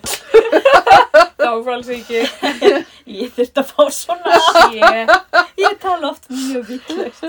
Oh, Sérstaklega ég verið vör um mig. Svona. Já, allavega ég fór að hugsa um þetta app og tala, veist, að læra að tala íslensku. Kanski er þetta málið. kannski. Sko, segjum þessi nefndur sem er listaháskólanum, ef allir myndu bara tala íslensku alltaf, þau myndu á endunum læra íslensku. Algjörlega. Málið er að við erum alltaf að tala ennsku. Já, við erum að vinna móti okkur. Gegn okkur. Já, við erum að vinna gegnum okkur. Já, gegnum við erum að því. Ég meina, Marina Siggu, Hann hann, er búin að búa hérna, já, hann Bob, hann er búin að búa hérna í 20 ár, hann talar ekki íslensku og það er út af því við erum öll að tala endurist ennsku við það. Einmitt. Einmitt, ég hérna man eftir einum öðrum kunningi okkar sem að uh, er búin að búa hérna heilengi, talar íslensku, en hann bara svo vanur því að tala ennsku við fólk. Já. Að hann einhvern veginn, hún fyrst, þú veist, eins og þegar að tala eitthvað tungumál við einhverja mannesku, Já, þá finnst þið svo erfitt að snú og breyta.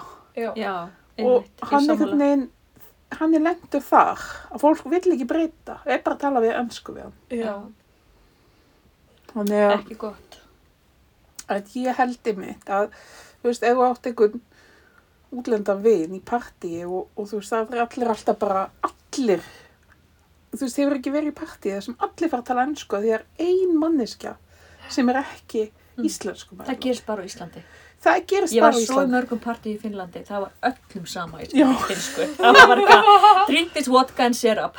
Já, Svo var alltaf að reyna, breyta, reyna að vera með í umræðinu. einmitt, já, ég mitt, við fórum í, í finnst brúkaup og það var sko enginn að tala við okkur á ennsku, við bara eitthvað, en þeim fannst mjög gaman að hlæja okkur. ok. Nei, já, ég held að við séum að vinna gegn okkur í svona ákveðni litlu tungumáls meðvirkni. Að því að, þú veist, við haldum ofta að við séum svo sjálfumglöð Íslendingar, sem við erum alltaf, Mm. en við erum líka þessi minnumáttakjönd einhvern veginn. Er þetta, stafar þetta af minnum átt? Í, í að sjálfsögðu, alltaf, Fyrst ykkur það? ég held það. Þetta er ekki eitthvað svona inclusivity. Já, kannski líka. Þú veist, þetta er ákveðin kurteisi, en þetta er líka einhvers konar minnumáttakjönd. Ég veit það ekki.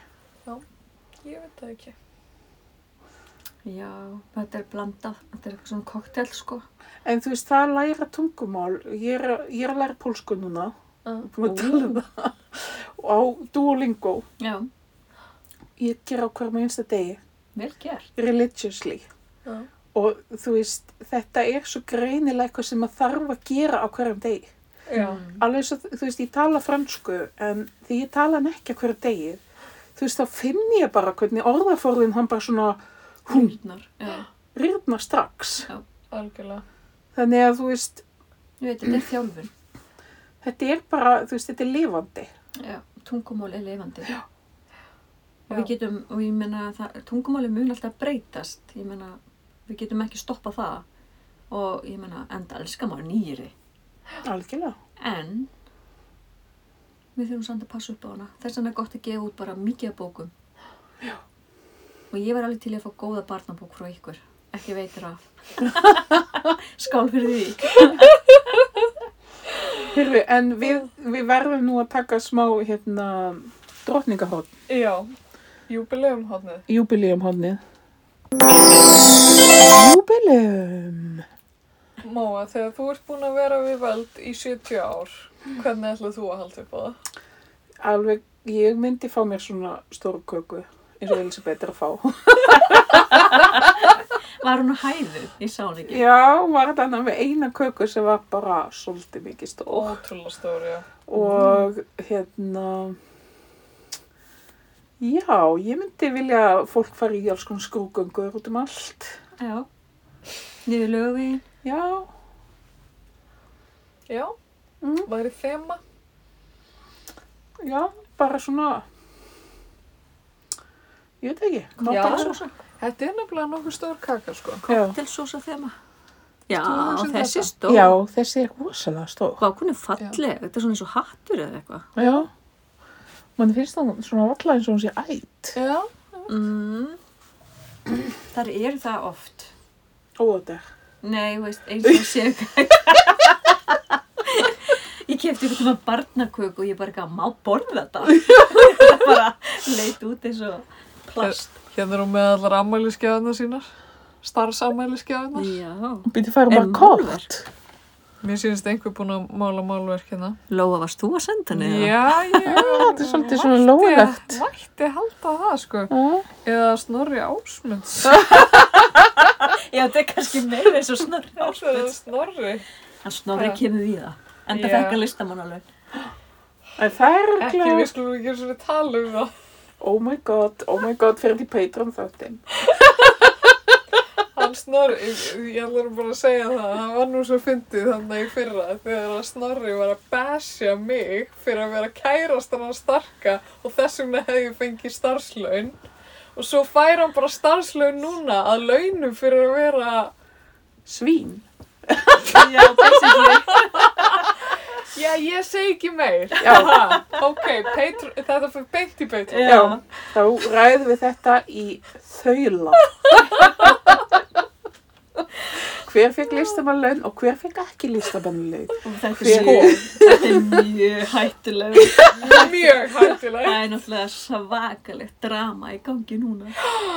Við bara þurfum bráðum að slakka á upptökunum.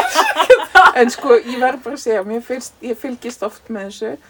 og Mér finnst, mér finnst ekki lengur finnast að fylgjast með fólkinu sem er að setja út á listamannalaun yfir höfuð. Nei. Mér finnst mun skemmtilega að sjá viðbröði og sérstaklega ungum kallkynsríthöndum sem eru að nexlast á því að þeir hafi bara ekki fengið ríthöndalaun. Ha? Bara, ég er búin að gefa þrjár bækur og það er allar stokkoslegar. Ég veit um hvað þetta. Já. Þú veist, aldrei Þú veist, ég, ég sé mjög sjaldan einhverja unga konu segja bara af hverju fekk ég ekki listamannalaun Nei. Við líka kunnum okkur. ég skrifaði hei, ég er búin að skrifa tvær ljóðabækur það eru hver annari Betri. ja, betri ég er samt erfum að segja þetta og ég fekk ekki rítvöndalaun I am appalled and ashamed hvað myndi ég gera ef ég myndi fara að skrifa í all blöðin og bara, þetta er glatað, þetta er ömulegt kerfi, nýður með Hallgrím Helgason og, og kó. Móa, ég man að þig. Mér Svo hef ég komið eina þýðingu. Best að þú kemst sko í þættin að skýrsla, Martin, og getur kannski sagt eitthvað þar. Já. Ég geti ekki að svo hrikalega slæmir, vandralega þætti. Já, það er mjög slæm. Oh, Það er svo fyndið. Mamma og pappi horfa alltaf, eða mjög Gísla. gætnan á gísla. Mm. E- Ekki kannski vegna gæðana, en bara því hann er í sjónarpinu. Já. Og hérna, og það, það var oft þannig að við vorum kannski búin að vera að borða saman og ég og Starki og mamma og pappi og Ástís og, og hérna borða eitthvað pítsu og svo setjast við fyrir sjónarpið, ætlum eitthvað að tekka því svo gísli Martin þarna eitthvað. og hérna, og svo fyndum við að starka að það er svona eins og þegar að þú kemur með svona pappabrandarana þínum og að, að þegar að Gísli Martin kemur á sjónasviði þá bara svona sortnar starki, það bara, það bara sloknar á hann það bara, Já, ég tengi við það. Ég var líka svolítið erð með þetta. Ég sko, ég samt upplýði svona meiri kvíða. nú, Því ég held að svona, nú er hann fara að gera sig að svona, nú er hann fara að segja eitthvað sem er mjög slæmt. Og svo er það mjög slæmt en ekki eins slæmt og er því. Þannig að ég verð alltaf svolítið stressuð að horfa á hann. Já, þetta er líka, þetta er svolítið eins og, finnst ekki alltaf svo æstur, Já, þetta er eins- sem hann segir. þetta er svona eins og svo rosalega tens fjölskyldubóð. Já, nákvæmlega. Og hann er svona, svona meðvirkja aðilinn sem er að reyna að láta öllum líka við kvotnannan. Hressi frændin. Já, og bara svona, Já, þess vegna, þetta er nákvæmlega þetta. já, Þess vegna verð ég svona kvíði. einmitt, og þú veist, það er svo stressandi Já, af því að einmitt. svona, þessi meðvirkja aðili er að reyna að stjórna og Já. það er of mikil stjórnun í gangi, held ég. Já, í staðan fyrir að leifa að leifa Bubba Mortens að vera áþólandi og, og þú veist einmitt. og eitthvað. Það þarf bara að slaka á. En hvað segir þið um þessu orðróma um að Gísli Martin sé vampýra? Ég hef ekki hitt það. Já, ég Ekki? hef það. Ég, af hverju? Þú er hann ekki kvítlög?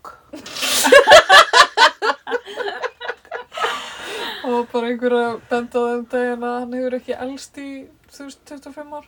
Já. Já. Það er meira svona að hann hefur selt sálu sína, það er ekki. Kanski. Já. Hann sé bara svona tóm skél. Ég veit Þetta ekki. verið. Já, ég, mér finnst það nú alveg að hafa elst svona smá undan verið. Ok. En ég veit ekki. Já. Kannski óskikja, ég veit ekki. Mér stila vest sko, þú ert að hlusta á hana á föstaskvöldum og svo vaknar lögdagsmótn og kveikir útvarpinu og hver er þá í útvarpinu? Já, það er maður. pínulegilegt að hann kom hann í staðan fyrir sölkusól. Þegar Sarka svo var frábær. Og hún er æði. Ég elska að hlusta á hana, en staðan fyrir þau komin aftur þau eru bæði einhvern veginn alltaf á háasíðanu. Hvað heitur hana sem er með honum? Björg. Og maður bara eitthvað, ok, best að fara bara veist, þetta er alltaf svo tjúna. En hvað kom fyrir sölku sól? En hún er bara ólétt. Ég barn. Já, En þú veist, já, hún mér veist dásalegt að hlusta á hún. Hún kom svona þess að góðu svona rámu rödd og svo verðum að spila eitthvað svona geggjaða svona Tónlist. gamla country slagara og já, mjög Ég var gott. svo að finna, veist, bara, bara morgunkaffið og hlusta á hana og Já, my það, cup of tea. ég verði dyrka líka, Já. samla. Já, er sól, þetta. þú vilt ekki bara fara, Kom aftur. já, Þú mátti alveg vera með hérna, barn og brjósti. já, það er bara notalegt. Ég er hérna með kött og brjósti. Um, Já, Já. ég stelpur, erum við byrjað að bulla eða á maður að fara að hætta aldrei, það er aldrei Nei. bullaði frá Og það er aldrei nóg af bulli. Nei, einmitt. Nei, það er rétt. Uh, getum við bullað eitthvað meira er oft viðkvæði hjá okkur. Já. Já. Hvað getum við sagt meira? Getum við logið einhverju? Ok, mér langar svo að tala sem verbúðina. Já, Ok, hvað hérna. með það? Ég sko, hérna, það var atriði sem að mér var svo geggja. Hérna, Býtu, ert þú að horfa á yðurlóa? Nei, ég bara, þú veist, meðaldra fólk virðist þrýfast á því að tala Já. um verbúð. Já, já, En já. það var bara eitt atrið sem var svo gott og ég tengdi svo ótrúlega við það. Það var svona áttara strákur og, og hérna satt við eldursporið og svo segir hún hérna, gælan hann er verbúin bara kláraði fiskinn meðan hún reykti sko. Veist ekki að börnin í Afríku þau fá ekki að borða eins og þú.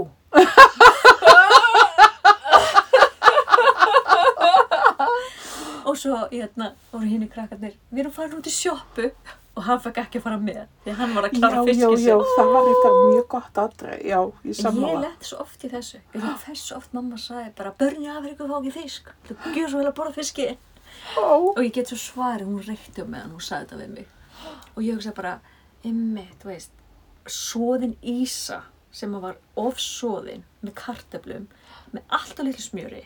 Og ég skil ekki að maður fekk ekki meira smjör. Mm. Því ef maður hefði fengið nógu smjör, það hefði nú verið ætt. En í staðin var sett fucking tómasósa. Það var viðbjöður. já, einmitt. Já, mér finnst þetta gott. Þannig þetta var sena úr þínu lífi. Þetta var sena á mínu lífi. Já, hún mjög góð. Mm. Og ég var Mér, bara ekki að tala mér fannst mjög fyndið þegar fyrstu verðbúin þættinir komi, þá voru, voru hann á miðaldra bókinni þarna á Facebook allir að segja Já, þetta var akkurat svona þegar ég var í, í verbúð, já, það var nákvæmlega svona þegar ég var í verbúði. En ég, ég sá þetta ekki. Ég sá um mitt bara hinn sem voru fúlir á móti. Bara, það var ekki svona. Bara, og ískóla var ekki komið að markað. Já, mér finnst einmitt rosa mikið eitthvað svona fólk uh, sem að þekkir eitthvað svona af landsbyðinu og að vestan Mm. var bara eitthvað bara að missa sig yfir því hvað væri nú verið að gera lítið úr landsbyðinu, eða ég man ekki, þú veist, fannst þetta bara vera Já, já, já. Og ekki, fótumar. já, Já. vera fordómafull umfyllin, Um, svo, svo kom aðeir bara, já, þetta er bara nákvæmlega eins og ég myndi þetta, nema voru aðeins fleiri unglingar á þessu balli, döðu druknir öll hot. eitthvað svona. Já. Ég veit það ekki.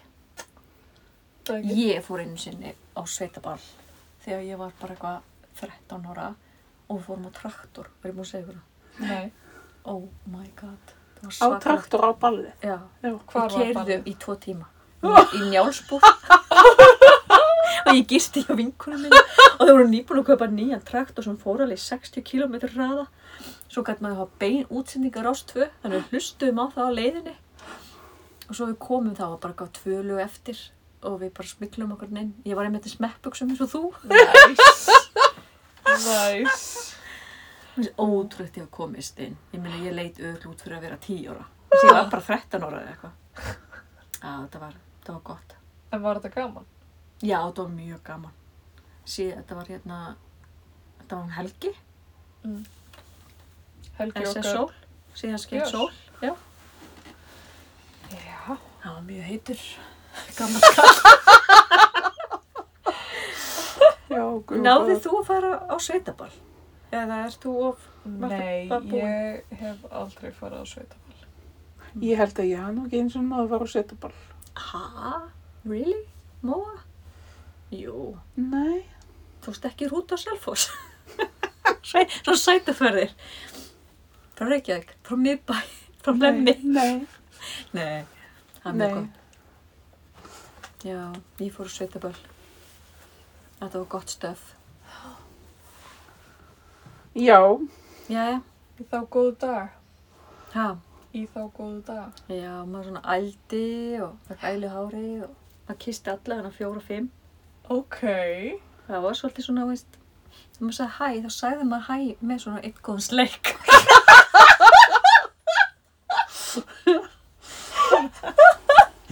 þið heyrðu það hér fyrst. Nú er breytt í tíma. Lungu fyrir heimsáldur. Ég er nú 43 ára. Hvernig heilsast krakkar í dag? Þegar ég var lítil, Já.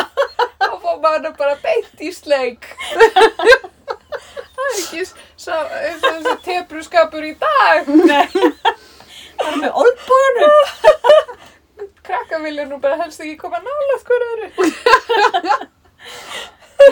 En hvað hva langar þér svona hlusta á svona í? Í lokin. Já, við þurfum að velja lag. Já, ymmi. Þú með eitthvað uppáhald. Ég kannski eitthvað með helga. Eitthvað svona á sveitaballi. Hvar er draumurinn? Já, það er gott, það er gott. Ég stið það. Það er ekki helgi. Nú. Það er ekki eitthvað annar. Ég, ég kann þetta ekki. Það er sálinas Jónsmils. Já, þú, já, ég fíl ekki sálinu svona. Ok, Ég, ekki ok. það. ég get ekki það. Ok, SS Soul. Það er... Ói, ég grunlega aldrei hlusta á þessu hljóms. Það er, uh, uh, nummer eitt er lagið Vertu þú sjálfur. Já, það, það, Vertu það þú er svo sjálfur. hvað hefur þú verið? Og þetta er svo gott lag. Þess vegna fórum maður í sleik, skilur við. Mamma bara maskur við. Vertu þú sjálfur. Já, já, já. sem þú vilt sjálfur Þú lifir svolítið eftir þessu. Er það ekki? þetta er bara mitt motto sko það flakka það